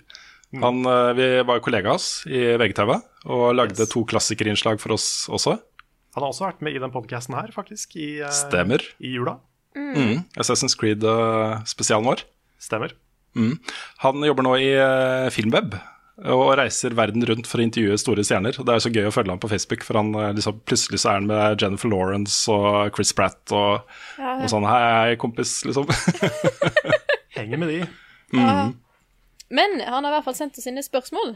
Ja. Eh, og så dette tror jeg vi, vi skal selvfølgelig prøve å svare dette her på beste evne. Han spør hvem skal jeg ha som kaptein på Football Fantasy neste runde? Jesus, De Bruyne eller en Arsenal-spiller? Jeg har en mistanke om at det er liksom Jesus. At det Ja, er det kan en, en eller annen fotballspiller som heter det. Da, jeg frasier meg alt eh, fotballansvar her. Mm. Ja. Jeg er ikke så veldig eh, inne i, i fotball, jeg heller. Men eh, barna mine går jo på en eh, barnehage som, eh, som er Det er på en måte en slags Arsenal-barnehage. De som har starta den, og de som jobber der, de er super Arsenal-fans. Eh, de har et eget rom som heter Arsenal-rommet, hvor det henger plakater av fotballspillere og sånne ting. Eh, de har en liten sånn sånn kunstgressfotballbane på lekeparken som heter Highbury. Eh, og det har da et klubbhus liksom, inne, hvor det er sånne som et fotballklubbhus vanligvis ser ut, da, med uh, sånne benker å sitte på, ting å henge fra seg ting på og, og sånt. Og de har Så det er eh, lov å bare lage en barnehage for å dyrke fandomen din, liksom. Ja, det er privat barnehage. De gjør masse andre ting som er kjempebra også. Som er liksom, de er opptatt av Bob Dylan og David Ja. Bowie og okay, kunst ja. og kultur og masse sånne ting også. Men eh, det, det er deres liksom ting, da. Zelda-barnehage, da. Du hadde fått masse barn der, Carl. Hadde du lagd Ja. en Zelda-barnehage, liksom Hy Hyrule Mini eller noe sånt. Det hadde blitt Du hadde fått de... alle gamerforeldrene i hele byen til å komme med barna sine dit. Så kan de løpe rundt med sånne Majora's Mask-masker og bare Det blir kjempebra. Alle kan få sverd og Ja, ja. Ekte sverd. Barna Ja, skal ikke ut og leke, jeg har hørt. Så det, de har sverd. ja. det er litt morsomt, den barnehagen også. De har jo ikke så mange merkedager i løpet av året. De markerer jo liksom 17. mai og jul og sånne ting. Men den ene tingen da, de feirer og markerer med is hvert år, det er bursdagen til uh, Arsène Wenger. Arsenal-manager. Så jeg, jeg er programforplikta til å svare at uh, Tor Benjamin må velge en Arsenal-spiller. Jeg har òg googla eh, min fantastiske ord 'football' og 'Jesus', og har fått opp at det er en spiller som spiller på eh, Manchester City, som heter Gabriel Fernando de Jesus. Jesus, et eller annet sånt. Det er sikkert han, det er sikkert ikke Jesus. Men eh, jeg svarer han. hadde det vært Jesus, hadde jo riktig svar vært Jesus. Ja. Ja, det har jo for så vidt altså. Ja. Ja, han har det. Men jeg, jeg svarer han. Uh, ja. Ja, jeg slenger meg på den. Ja. Jesus. Ok. Jesus. Greit. Uh, da kan vi gå videre til uh, spørsmål fra Skal vi se her eh, Anders Hole, som kom inn på Patron. Eh, der det står Hvis dere hadde laget en sitcom, hvilke personligheter ville dere i redaksjonen ha vært? Ta gjerne utgangspunkt i Friends, eh, How I Met Your Mother og lignende. Aha. Mm. Oi. Han legger òg med at Frida er superdelegat og derfor siste ord i saken. oh, jeg har en følelse av at han ser på Paradise. Ok, vi må jo kanskje først velge en sitcom, da. Ja. Ja. ja, eller skal det være en ny sitcom? Jeg vet ikke. Nei? Jeg ser ikke så mye på sitcoms lenger, men jeg så jo masse på Friends og Seinfeld og Mm. sånne ting før. Dynastiet. Dallas. det er jo ikke sitcoms, vi, vi kanskje. har jo faktisk snakka mye om å lage en sitcom. Um, Ja da. ja. Og jeg har jo noen bilder av hvem vi, hvem vi hadde vært der, men vi kan jo, vi kan jo ta Friends, da. Som utgangspunkt. Mm. Det kan være. Um, Hvem er Rune i Friends? ja. Jeg føler ingen av oss er Joey. Nei, det gjør ikke jeg heller. Nei. Jeg vet ikke helt. Kanskje Kanskje Rune er Ross? Ja, jeg tror kanskje han er nærmest. Ja. Kanskje. Jeg vet ikke om jeg har sett helt nok Friends til å eh, Nei. Jeg føler av de tre jentene, Frida, så er vel du kanskje Rachel? Ja, Ja. det vil jeg si også. Ja. Da kan jeg dra med. Da kan jeg leve med.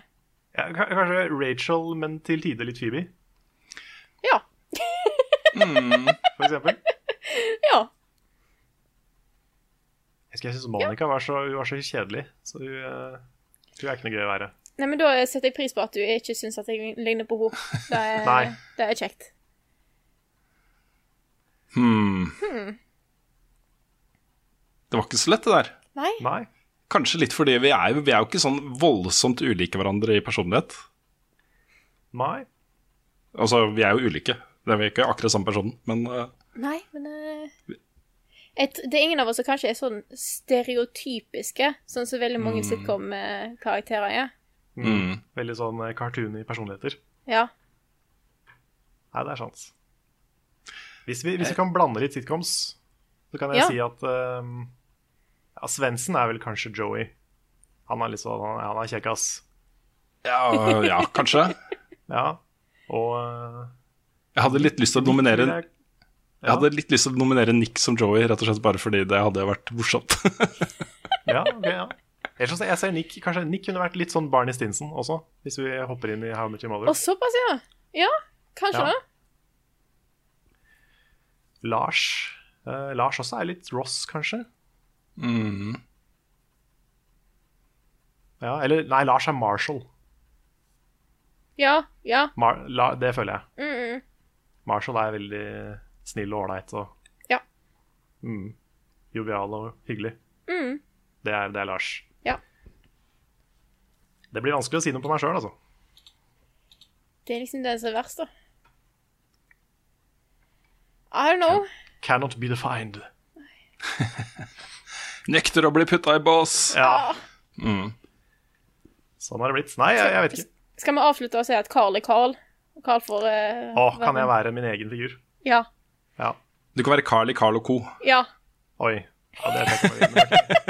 Da vil jeg nesten heller være Ulf. OK, men la oss uh, gå videre til neste spørsmål her. Det er et spørsmål som jeg så vi fikk inn forrige gang òg, men det kom akkurat ikke med, for at vi hadde ikke tid. Eh, så det kommer nå, og det er fra Peter Parker. Selveste Peter Parker. Selveste Peter Igjen, Parker. altså. Ja, ja. Mm. Eh, som har et litt sånn teknisk spørsmål, men jeg syns det er litt interessant likevel. Eh, det sies at Moores law, altså Moores regel som sier at antall transistorer per areal vil fordobles per år, tror jeg, ja, har redusert de siste årene grunnet datachipens fysiske begrensninger, og at vi må finne på helt nye strukturer for å fortsette den eksponentielle utviklingen, altså den store utviklingen i datakraft som vi har sett nå. Hvordan mener dere spillutviklingen er og har vært i forhold til Moores law? Nærmer vi oss en vegg på de kjente spillstrukturene? Hvordan tror dere en eventuelt ny struktur vil bli på plattformer som kanskje er mange tusen ganger kraftigere enn dagens datamaskiner? Bra spørsmål. Jeg håper du tok det opp fordi du har eh, innsikt på området, Frida. Jeg kan jo snakke litt om eh, hvordan ting er satt opp datakraftmessig. Eh, nå, en, vi kommer jo på det punktet nå der vi ikke kan lage ting mindre snart. Og da vil du jo få en stopper i utvikling, eh, og da må en se på andre ting, som f.eks. kvantedatamaskiner. Men sånn jeg tolker hans spørsmål her, da, er det at vi har jo sett en gradvis utvikling i spill, både at eh, verdenene blir større, grafikken blir bedre og sånne ting. Men jeg tenker eksempel i eh, open world-sjangeren, på et tidspunkt så kan du ikke lage en større verden som er mer detaljert. På et tidspunkt så vil vi jo nå et punkt der vi ikke klarer å eh, Eller vi når en veldig virkelighetstru setting, da. Hva vil spill fortsette å utvikle seg med for at du skal klare å få en eh, fornying, da? Altså Starten på det er jo, eh, er jo det visuelle. Altså det å lage mer troverdige verdener rent visuelt. At du um, De har flere detaljer og eh, flere systemer som vi kjenner fra virkeligheten, med vær og vind og hvordan skyer beveger seg og uh, sånne ting, liksom. Der er det jo fortsatt mye å gå på. Uh, men jeg tror nok at den største og mest interessante utviklingen går mer på hvordan uh, hvordan de menneskene du møter i spill, oppfører seg. eh, og hva slags samtaler du kan ha med dem, og hva slags relasjoner du kan bygge til dem. Eh, det tror jeg nok enda, er enda viktigere. AI og den type arbeid tror jeg kommer til å bli ganske stort. Uh, og det, Der har jo spillmediet i dag massevis av begrensninger. De må ha liksom bare x antall dialoger per NPC før det er fullt på disken, liksom. og koden som styrer hvordan de forskjellige rollefigurene skal forholde seg til hverandre, har også begrensninger. Den kan ikke være mer avansert enn sann, for det har vi ikke mer kraft til å prosessere på skjermen. Så der, Når det åpnes opp, så åpnes også opp muligheter for mye mer troverdige og interessante verdener. Mm. Uh, og Det kan være liksom ting som er virkelighetsnært, eller ting som er virkelighetsfjernt. Bare fantasiverdener og sånne ting. Mm. Ja, for det, det, det, det, der nå er at det går veldig programmerte mønstre, liksom. Det er jo ikke nødvendigvis AI på den måten. Det er mm. bare Ja. Det handler bare om å legge flest mulig options inn i en figur. Men um, Nei. Jeg, jeg syns jo det, det, mest spennende med det er at spill snart, eller egentlig allerede nå, må slutte å liksom bare selge seg på grafikk.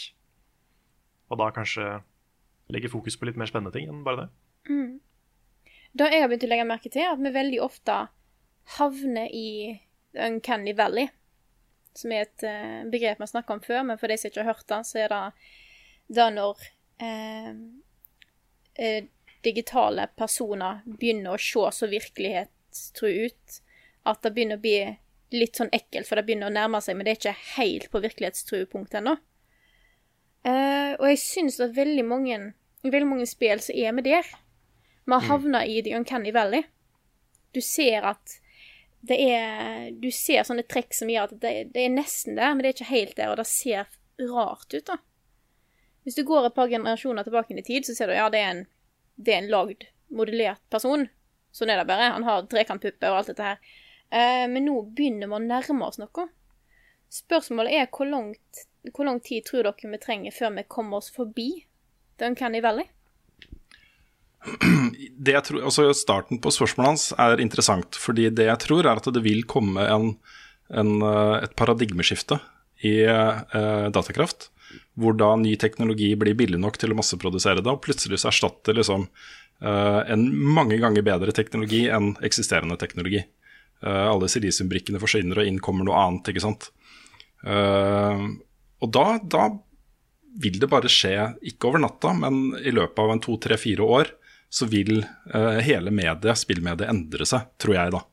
Um, jeg tror ikke det er sånn voldsomt lenge til. I løpet av fem til ti år, kanskje, så, så, er vi, så, er vi, nok der. Det gjøres jo massevis av forskning på alternative datakraftmodeller, ikke sant. Mm. Med bruk av uh, gener i bassenger og det, er, det, er, så mange rare ting da, som folk bruker nå ikke sant, for å teste ut uh, alternativer. Uh, og det kommer til å skje sånn plutselig. Uh, all erfaring fra den industrielle revolusjonen og alle de tingene som har skjedd de siste 10-15-20 årene, og den akselerasjonen i utvikling, tilsier at det vil komme noe nytt som er mye bedre enn det vi har i dag. Så fem til ti år, kanskje. Mm. Og så syns jeg også uh, den boka Ready Player One av Ernest Klein beskriver en sånn fremtidig spill uh, greie ganske godt.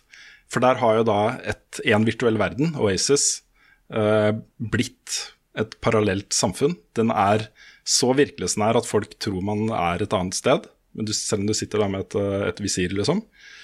Men i denne verdenen så er det jo soner som er spill og som har sine egne regler som er definerte. ikke sant? For Hvis alt er AI-basert og tilfeldig og random, og sånt, så er det vanskelig å lage spillopplevelser for folk, ikke sant. Så jeg tror nok at uh, den modellen hvor man har uh, regler for hva som er mulig og ikke mulig i et spill, vil nok på en eller annen måte fortsatt være der. At uh, man heller må ta bort muligheter for å lage en god spillopplevelse for folk, da. Innen noen sjangre, i, hvert fall. Mm. Da har vi hatt et eh, litt sånn tungt spørsmål, kan en si. eh, så da har, lyst, nå har, jeg lyst til å gå videre på et eh, litt lettere et. Eh, og det er spørsmål fra Noah Kristoffer Grindbakken. Vet, sorry. Noah Kristoffer Grindbakken Heggeli, det var et etternavn til der. eh, som spør hva er deres ultimate kosespill? Eh, for meg nå er det jo Destiny. Det har det vært en stund.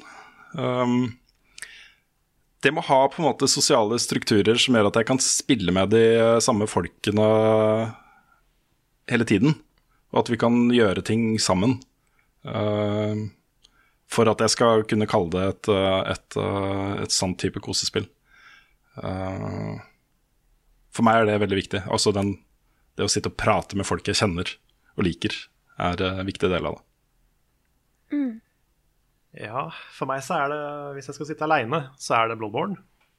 Hvis jeg skal sitte med noen, så er det nok uh, Civilization. Ja. Tenker jeg. Det er jo uh, skapt for å være et sånt uh, slow-paced chillespill. Så det er veldig bra. For meg så bytter det litt. men nå er det Jeg har, jeg har, har fortsatt den knappen på City Skylines og Don't Starve. Jeg har nettopp eh, et par venner av meg som har eh, begynt på City Skylines, og jeg får masse meldinger sånn eh, Hvordan hvordan skal jeg ha råd til å kjøpe en brannstasjon, eller eh, hvordan lager jeg rundkjøringer, og alle sånne ting. Eh, så det er kjekt å får spredd City Skylines til folk, men eh, Jeg mener det var noen som sa til meg at rundkjøringer var litt viktig. Ja, jeg tror det.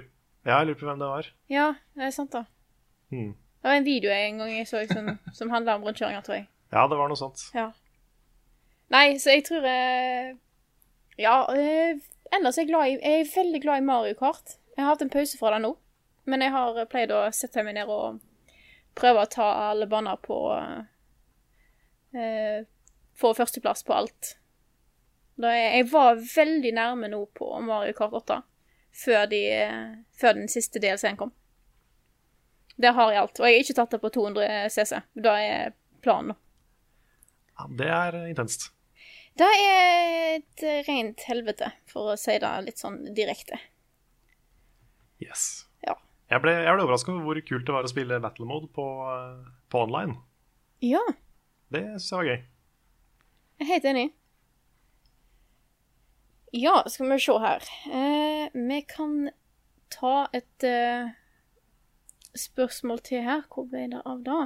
Eh, jo, Robert Brannan Hovde spør eh, Det har kommet mye bra konsoller med årene, men hvis dere bare kunne velge å ha tilgang til én av dem i fremtiden, hvilken ville dere valgt, og hvorfor? Eh, dere vil selvfølgelig ha tilgang til alt av spill til denne konsollen. De begynner å bli litt kreative i de der spørsmålene. Hva er favorittkonsollen din? Ja, det gjør Det det. er jo det han spør om, egentlig. Men jeg vet ikke om jeg ville hatt med meg en eh, Nintendo 64, liksom, hvis jeg bare kunne bruke den.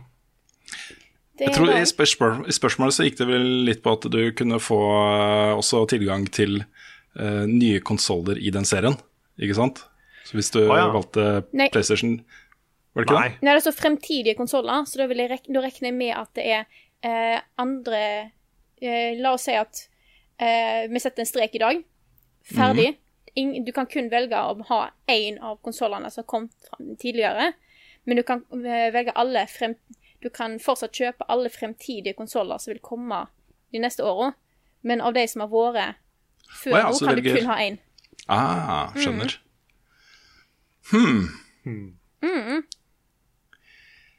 For meg så er nok uh, Jeg vet ikke, altså.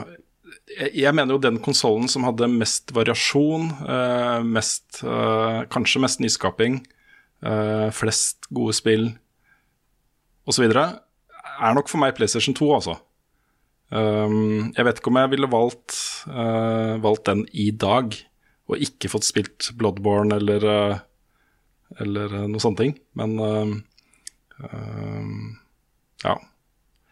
PlayStation 2 er nok min sånn følelsesmessig favorittkonsoll noen gang, tror jeg. Men da, eh, det som er litt interessant her nå, er at du kan, eh, av de konsollene som kom fram til nå, så er det kun den du kan spille. Vil du takle å spille kun, altså da, eh, PlayStation 2-kontrollerte spill? Nei, jeg måtte jo, eh, hvis man skal være så eh, stickler to the rules, så måtte jeg ha valgt eh, PlayStation 4, som har eh, mange av de spillene jeg har brukt mest tid på de siste årene. Um, eksklusivt. ikke sant? Mm. Så, så det hadde nok blitt det, altså. Ja, nå har det jo kommet en del kule remasters av PS2-spill på PS4. Mm. I hvert fall mange av de jeg er glad i. Nå kommer jo Nå er jo de fleste Final Fantasy-spillene å få på PS4 snart.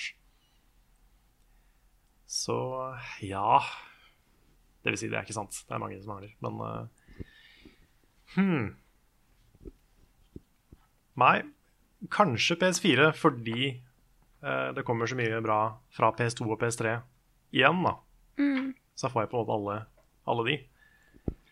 Men samtidig så er det, nesten, det er nesten fristende å si en Nintendo-konsoll, fordi da får du også Virtual Console med liksom Super Nintendo og eh, alt det der. Se her, da. Du begynner å bli litt sånn smart og tenke taktisk og sånt. Ja, er ikke det som er meninga? Jo, det er det. Jeg, Så eh, jeg sitter og tenker litt at det på litt sånn styringssystem og sånne ting som kan være litt tidløst. Fordi hvis en går tilbake igjen i tid på konsoller, så er det mange av de som er litt slitsomme. Sånn sett så er jo eh, Super Nintendo en, et bra valg, for den er Der slipper du mye av disse eh, 3D-kontrollsystemene. Eh, jeg har òg lyst til å si We, rett og slett fordi at jeg har veldig, veldig mange gode spillminner fra We-årene. Og så har jeg lyst til å være litt cheesy og si PC, selv om det ikke er en konsoll, men eh, jeg er nok litt enig på PlayStation 4-valget. Hmm. Mm. In the end. ja, det var vanskelig. Jeg må jo legge til her da at eh, Grunnen til at jeg ikke liker å få det spørsmålet, er jo at eh, det jeg er opptatt av, er gode spill. Ikke hvilken plattform det kommer ut på, ikke sant. Um, så så det, jeg har liksom ikke en favorittkonsoll. Jeg har mange favorittspill, og så spiller jeg de på de plattformene det er tilgjengelig på, på en måte. Så ja. Og hvis det er noen uh, hardbarka Xbox-fans som hører på, så er det ikke noe hat mot Xbox. Det er bare Det er flere eksklusive spill på de andre akkurat nå som, uh, som i hvert fall jeg er interessert i. Ja, du har spurt for noen år siden, så var jo Xbox 360 soleklart bedre enn PlayStation 3 uh, i en lang periode. Mm. Eh, med flere gode spill og bedre online-tjeneste og bedre uh, sånne ting, liksom. Så eh, ja. Jeg kunne valgt Xbox 360, men jeg bruker ikke den så mye nå. Det var en periode jeg spilte veldig mye på den, men uh, det er ikke så ofte jeg har gjort tilbake til den nå, kjenner jeg. Nei. Men da lurer jeg på om vi skal ta neste spørsmål. Eh, og så tenkte jeg skulle høre med dere om det er noen spørsmål dere har eh, sett dere ut. ja, det har kommet inn et spørsmål på, på melding på Facebook som jeg tenkte å ta. Eh, skal jeg ta det nå, eller tenkte du å ta det senere? Du kan ta det nå. Eh, det er fra en som ikke ønsker å nevnes med navn, eh, men vi kan eventuelt bruke Mumphy om dere tar med spørsmål i podkasten, skriver han. Mumphy. Mumphy. Eh, han skriver jeg var en av de som gikk på en smell og ga tidlig opp når jeg trodde Destiny kunne spilles alene. Nå, etter flere år med venting, kunne jeg omsider laste ned Destiny og gi det en ny sjanse, denne gangen med en kamerat. Føler det er umulig å følge dere videre uten å bli med på det Destiny 2-sirkuset som skal til byen om kort tid. Eh, har akkurat nådd level 40 og blir veldig usikker på hva vi skal gjøre fremover. Hva er det vi nå skal prioritere for eh, videre fremgang? Hva er det vi må gjøre for å få den Destiny-magien det snakkes så mye om? Light level 320 har aldri gjort annet enn strikes, missions og patrols i co-op. Og det korte svaret på det er jo raids. Prøve å eh, komme opp i, i høyt nok light level til å ta raids. Og uh, dere er jo i klart høyt nok light level til å ta raids på normal uh, og hard de gamle raidene f.eks. Dere må ikke kaste dere ut i 390-versjonene av raidene ennå. Um, raidene i Destiny er uten tvil det kuleste uh, co-op skytespillopplevelsene man kan ha, som jeg har hatt, da. Uh, noen gang. Helt fantastisk. Masse avanserte mekanikker, uh, utrolige krav om samarbeid og kommunikasjon og, og sånne ting. Og den av å, gled, gleden av å stå fast på noe vanskelig som krever ganske mye av deg, og så få det til, og så kommer det masse lut, den er liksom så sterk, da. Så det er mitt hovedråd. Prøv å få til uh, raids. Og det fins uh, LFG-sider. Uh, blant annet har vi jo på en måte vår egen Level Up Community Destiny på Facebook. Uh, det fins eh, andre LFG-sider også på Reddit og overalt. Det er bare å søke litt rundt omkring. Andre norske Destiny-grupper på Facebook også. Prøve bare å få samla en gjeng på seks stykken. Kjøre raidene. Det er liksom den ene tingen. Andre tingen er endgame PVP-greier. Iron Banner og Trials of Osiris. Begge de to er også kjempe, kjempegøy hvis man spiller med et fast lag. Mm. Ja. Jeg kan ta et spørsmål, jeg også. Det er fra Magnus Rammel på Facebook. Han skriver med Mario Kart 8 Deluxe ute som en kjempesuksess, pluss Zelda-suksessen og et annet øvrig spill her og der, i tillegg til kommende spill, føler jeg meg på glid til å kjøpe meg en Switch. Tror dere den vil bli mer populær og muligens få en lang levetid? Det er ting som tyder på det, altså. Ja, Eh, jeg også syns det. det er mye kjærlighet til den konsollen rundt omkring. Folk som har den, har blitt veldig glad i den. Ja. Jeg tror Nintendo gjorde et uh, smart valg der, med å både ha en konsoll som er så uh, enkel å både ha på TV, men òg å ta den med seg. Du gjør den så tilgjengelig, Uh, og i tillegg å ha et lanseringsspill som Zelda er jo bare en genistrek uten like. Jeg tror det har ført til at veldig mange som kanskje ikke har hatt Nintendo-konsoll og sånn, kanskje ikke hadde Wii U, plutselig har eh, hengt seg med på Nintendo-toget. Eh, og med Zelda og nå eh, Mario Kart, som har jo solgt bedre enn alle kunne tro, eller tenke seg at skulle skje, så tror jeg eh, Det er såpass mange som har Switch nå, at jeg tror at den konsollen kommer til å eh, leve fint en stund. De må jo selvfølgelig selge flere enheter for å komme seg oppover i salget, men eh, det er en bra start. Mm. Ja, altså, så er det sånn eh, Nei, Ja. gå, gå først, Rune. Ok. Um, en strategi som Nintendo har med Switch som de ikke hadde med Wii U, og som heller ikke med Wii uh, for den saks skyld, uh, og som er veldig riktig, er jo at de kjører på nå med uh, førsteparts kanoner gjennom hele det første året. Så du hadde jo Selda, så kom Mario Kart, snart kommer Arms, som ser kjempebra ut. Eh, Splatoon 2 i juli. Eh, Super Mario eh, til, høst, til høsten, også mot jul. Eh, kanskje Xenoblade Chronicles også til høsten. Og så plutselig så har du en fem, seks, kanskje sju store, store utgivelser i løpet av ganske kort tid. Og det de prøver på, er jo å raskere skaffe en større installed base, slik at også konsollen skal bli attraktiv å lage spill for for andre. Sånn at man har liksom momentum, og det pøses på med gode ting. liksom. De gjør en innsats da, for å fylle denne konsollen med bra content. Uh, og det er med på uh, å gjøre sannsynligheten for uh, lengre levetid mye, mye større. Ja, det var eh, basically det jeg skulle si, egentlig. Men, eh, All right. men ja, det er, jo, det er jo det. Det er en kjernereaksjon, det her. Med at eh, for det første så har Switchen solgt veldig bra. Og det fører jo til at Nintendo fokuserer mer og mer på den. Og det fører også til at eh, andre utviklere fokuserer mer og mer på den. Så det er jo en veldig god start, først og fremst. Det som, eh, det som er argumentet mot, da, eller det som er et, eh, et moment hvert fall man må ha i bakhodet, er jo at det ikke er en like kraftig konsoll som, eh, som eh, PS4 og eh, Xbox One. Og I hvert fall ikke Scorpio og PS4 Pro. Um, det er nok en del type spillopplevelser uh, som er litt sånn svære og avanserte, type Destiny 2, um, eh, Prey, svære, eh, svære rollespill, eh, Witcher, sånne ting, liksom. Som sannsynligvis ikke vil bli like stort på Switch. Eh, de, jeg tror du må gjøre en del med koden for å få den til å flyte bra på en Switch, og at det derfor kanskje kommer til å være mer dominerende på PC og de andre plattformene. Så hvis det er en type spilleopplevelser som du primært foretrekker, så er det ikke sikkert at det er lurt å kjøpe nå. Kanskje greit å vente litt og se hva alle disse store seriene gjør. da. Kommer det liksom det nyeste Call of Duty på Switch? Kommer Destiny 2 på Switch? Kommer liksom alle de ka- kanonene da, som er svære på andre plattformer, eh, på Switch, eller ikke?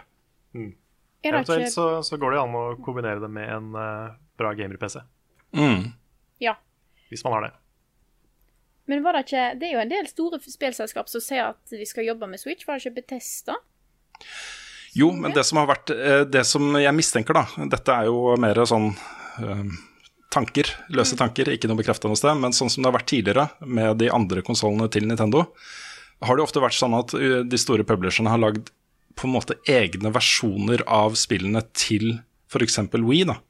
hvor det kom ut én versjon av et, en kjent stor serie til de andre plattformene, og så lagde de en egen Wii-versjon av Fifa, f.eks., Ja. til Wii. Som da tok utgangspunkt i motion-kontroller og litt mindre graf grafisk ytelse og sånne ting. Og de var jo ikke alltid like bra da, som eh, de andre versjonene. Så, så det er på en måte en, en mulig utvikling, er at hvis de først har en serie som er veldig populær, og som folk ønsker å få på Switch, så setter de et lite team til å tilpasse da enten eh, det spillet som på andre, eller lages til andre plattformer, til Switch, eller bare en spilleopplevelse som er mer skreddersydd for Switch. Ja. Yes. Ja, du har eh, rett der. Jeg eh, lurer litt på å ta et siste spørsmål her, men da må Carl finne fram en liten uh, låt. Oi, Ja, dette. ja. OK. ok. Eh, og det er et tema som vi kanskje ikke har snakka om så mye i det siste, men eh, nå som vi har fått litt avstand fra det, så tenker jeg at det kan være kult å ta opp eh, likevel. Er du klar? Jeg er klar. Ukens Sinfor.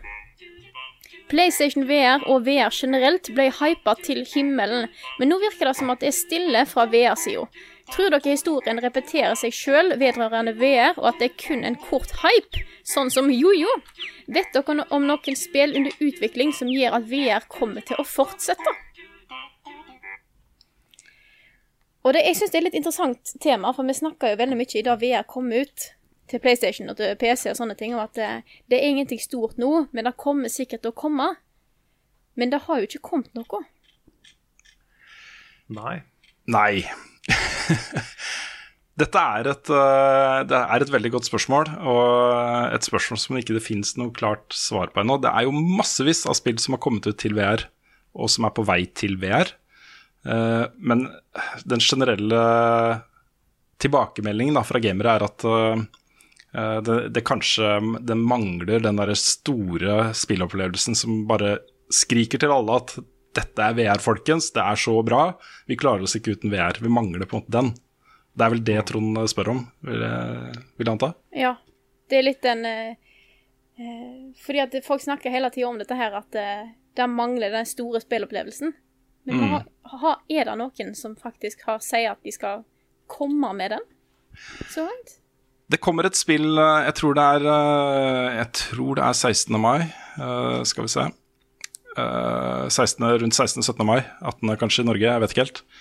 Som heter Farpoint, som er et, et, et space FPS exploration-spill. Som vi fikk se for første gang på Eter i fjor. Og som Sony selv sier er liksom det neste skrittet videre i VR. Og jeg vet jeg, jeg, Man kan jo ikke ta, ta de på ordet der, liksom. Man må jo teste det og se. Men uh, det ser innmari lovende ut. Uh, og det ser ut som at det kan være et spill, uh, hvis det er bra, da, som kan gi folk litt troa på, på VR igjen. Kanskje. Men det gjenstår liksom bare å se, altså. Vi må bare se dette litt an. Jeg mener jo at VR har noe for seg. Det må bare komme de derre opplevelsene man kan synke inn i. For det VR er best på akkurat nå, det er jo sånn artig multiplayer-ting. Um, Ja, sånn- og sånn walking simulator-spill. Ikke sant? Ja, for det er jo ikke Ja. så lenge siden det kom et spill som jeg tror, jeg tror ikke vi anmeldte Nei, vi anmeldte det ikke. Men jeg har sett litt gameplay fra det. Ser egentlig ganske kult ut. Og det er uh, Rick and Morty Simulator Virtual Reality. Som okay. er jo et VR-spill satt i Rick and Morty-universet. Lagd av mm. Rick and Morty-folka. Mm. Ja, også de som lagde Job Simulator, eh, Ja, tror jeg. Stemmer. Uh, og der er det mye, mye kult du kan gjøre, men det, jeg føler det har litt av samme preget som, som da Job Simulator. Det er, uh, det er litt uh, lenger. Det er en litt story der som du går gjennom med litt småting du gjør, men det er likevel det der er plukke opp ting og sette ting på en annen plass og bare kaste litt på ting og litt sånne ting. Det er ikke noe sånn Det er ikke den store historiegreia. Nei. Det er et annet spill som heter I Expect You To Die. Som uh, også er ganske kult, men det er liksom det samme. Det er det at du har masse ting du skal plukke opp, bruke. Det føles litt sånn som de der, alle de der We Waggle-spilla, føler jeg. At alle sammen har det samme gameplayet. Mm. Og selv om det er morsomt, så er det morsomt én gang. Ja. Det gjelder da, for du får ikke noe Du får ikke nødvendigvis en spillopplevelse som enten treffer deg, eller som er eh, Som du har glede av flere ganger, da. Nødvendigvis. Jeg tror de som får mest ut av VR nå om dagen, er de som bare tester masse forskjellige ting, og så har de kanskje en halvtime, times dritkul opplevelse med et spill som de aldri spiller igjen. Men den opplevelsen er jo reell allikevel. Altså, De har hatt en fet opplevelse, liksom. Ja, Jeg tror den, kanskje- den VR-følelsen, den er veldig sterk. Jeg tror kanskje det største problemet til VR akkurat nå, det er jo noe vi har visst helt siden VR ble lansert. Eh, Det er jo at det er for eh, tungt å komme i gang med. Det er for dyrt. Det er for uh, clunky sånn hjelmting, skjermting du skal ha på hodet. Um, det er for upresis kontroll. Det er for begren mange begrensninger. De må løsne opp der, liksom. Det må komme lettere, mer behagelige headsets. Det må komme uh, bedre teknologi for uh, styring i spill. Uh, det må være mer behagelig å spille over litt lengre tid da enn si 20-30-40-50 minutter. Da begynner, da begynner det virkelig å skje ting. Men vi er jo på vei dit. Det kommer til å skje. Og jeg tror liksom at den bølgen av VR-spill som har kommet nå, og som er på vei, har vist at VR har noe for seg. Og så må nok spillindustrien jobbe litt for å eh, få oss hypa for dette her igjen. Det tror jeg. For den har jo lagt seg litt, den første umiddelbare hypen for oi, shit, VR er her, liksom. Det funker, og det er fett. Eh, den har jo lagt seg. Ja, Og hvis vi kan ta en eh, callback eh, til tidligere i podkasten òg, så tror jeg at en utvikling i datakraft, et, et da paradigmeskiftet i eh, datakraft, kan eh, hjelpe til at eh, VR kan gi disse store opplevelsene. At du kan få enorme spill som funker i VR, og uten at VR trenger å være så altfor dyrt. Uten tvil. Så er det jo litt med VR som det er med sånn som 3D-TV-er og 3D-teknologi og sånn, at det har blitt forsøkt før, men teknologien har liksom ikke vært der. Så jeg vet ikke, jeg, jeg føler kanskje at vi må ha enda et hopp i teknologi før, før VR faktisk funker. Fordi er greit det funker nå, men det er liksom ikke praktisk. Nå går vi rundt med sånne svære hjelmer med tre feite ledninger som stikker bak huet. ikke sant? Det er pes å ta på seg et headset. Vi må, vi må bli kvitt den, da. For at folk skal gidde, tror jeg. Jeg er klar til å jacke meg inn, ja, altså. Sette ting på sentralnervesystemet og bare peise på. Ja, ja, det blir Ja. neste. Når du Ja. kan sitte liksom helt stille, slippe å surre deg inn i ledninger, så, så er vi inne på noe. Jeg tror Ha en gang haptiske drakter. da. Ja. Oh, jeg tror med en gang vi kommer til det punktet der ting kan styres med tankekraft, og en får opplevelser på den måten at det, det virker som en kan ta på ting eller sånne ting pga. på grunn av signaler til hjernen, da, da har vi nådd punktet der VR er dritkult. Da kan VR gi uh, spennende opplevelser. Da er vi ready player one. Ja. Da er det ikke noen grunn til å gå ut av huset sitt lenger. Da kan Nei. man bare leve i en egen verden som er finere. Å, det er så koselig. Ja. Og skummelt, men Helt ukritisk, koselig. bare koselig og gøy. Er Og... koselig. Ikke noe skummelt ja, ja. å begynne å tykle med nervesystemet og sånt, nei. Jeg har i hvert fall ikke sett en Black Mirror-episode som skremte livet av meg. Så det, Nei, shit, den er fæl. Å, herregud. mm, den er grusom. Åh, ja. Og med et Ja. sånt koselig eh, spørsmål og en koselig avslutning på det, så tror jeg kanskje at eh, det er på tide at vi runder av denne podkasten, som begynner å bli litt lang. Mm. Den Jeg har ikke noe mer å si, jeg, så det er helt øvende fredag. Nei, Men da eh, får vel jeg si eh, takk, til, eh, takk til Rune og Karl, som eh, er med i eh, håper jeg, showet mitt, som jeg styrer her.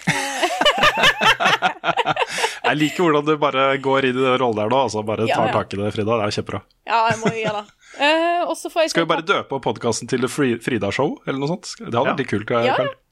Og hver, for hver nye episode så har Frida fått enda en sånn myk pute å sitte på. Så det ja. blir så enda litt mer behagelig for hver eneste episode. Åh, dette, dette høres bra ut. Nei, men vi får vel òg takke alle som eh, sitter og hører på denne podkasten vår. Og ikke minst en stor takk til alle som backer oss på Patron. Dere eh, gjør livet vårt så mye bedre. Vi elsker dere. Ja. Det gjør vi. Og med det så sier jeg ha det bra for i dag. Ha det. Jesus, Du hadde ikke helt selvtillit på den der, Frida. Ha det. Jeg vet ikke hva jeg skal gjøre. kan vi kan bare avslutte med ha dem. Ah,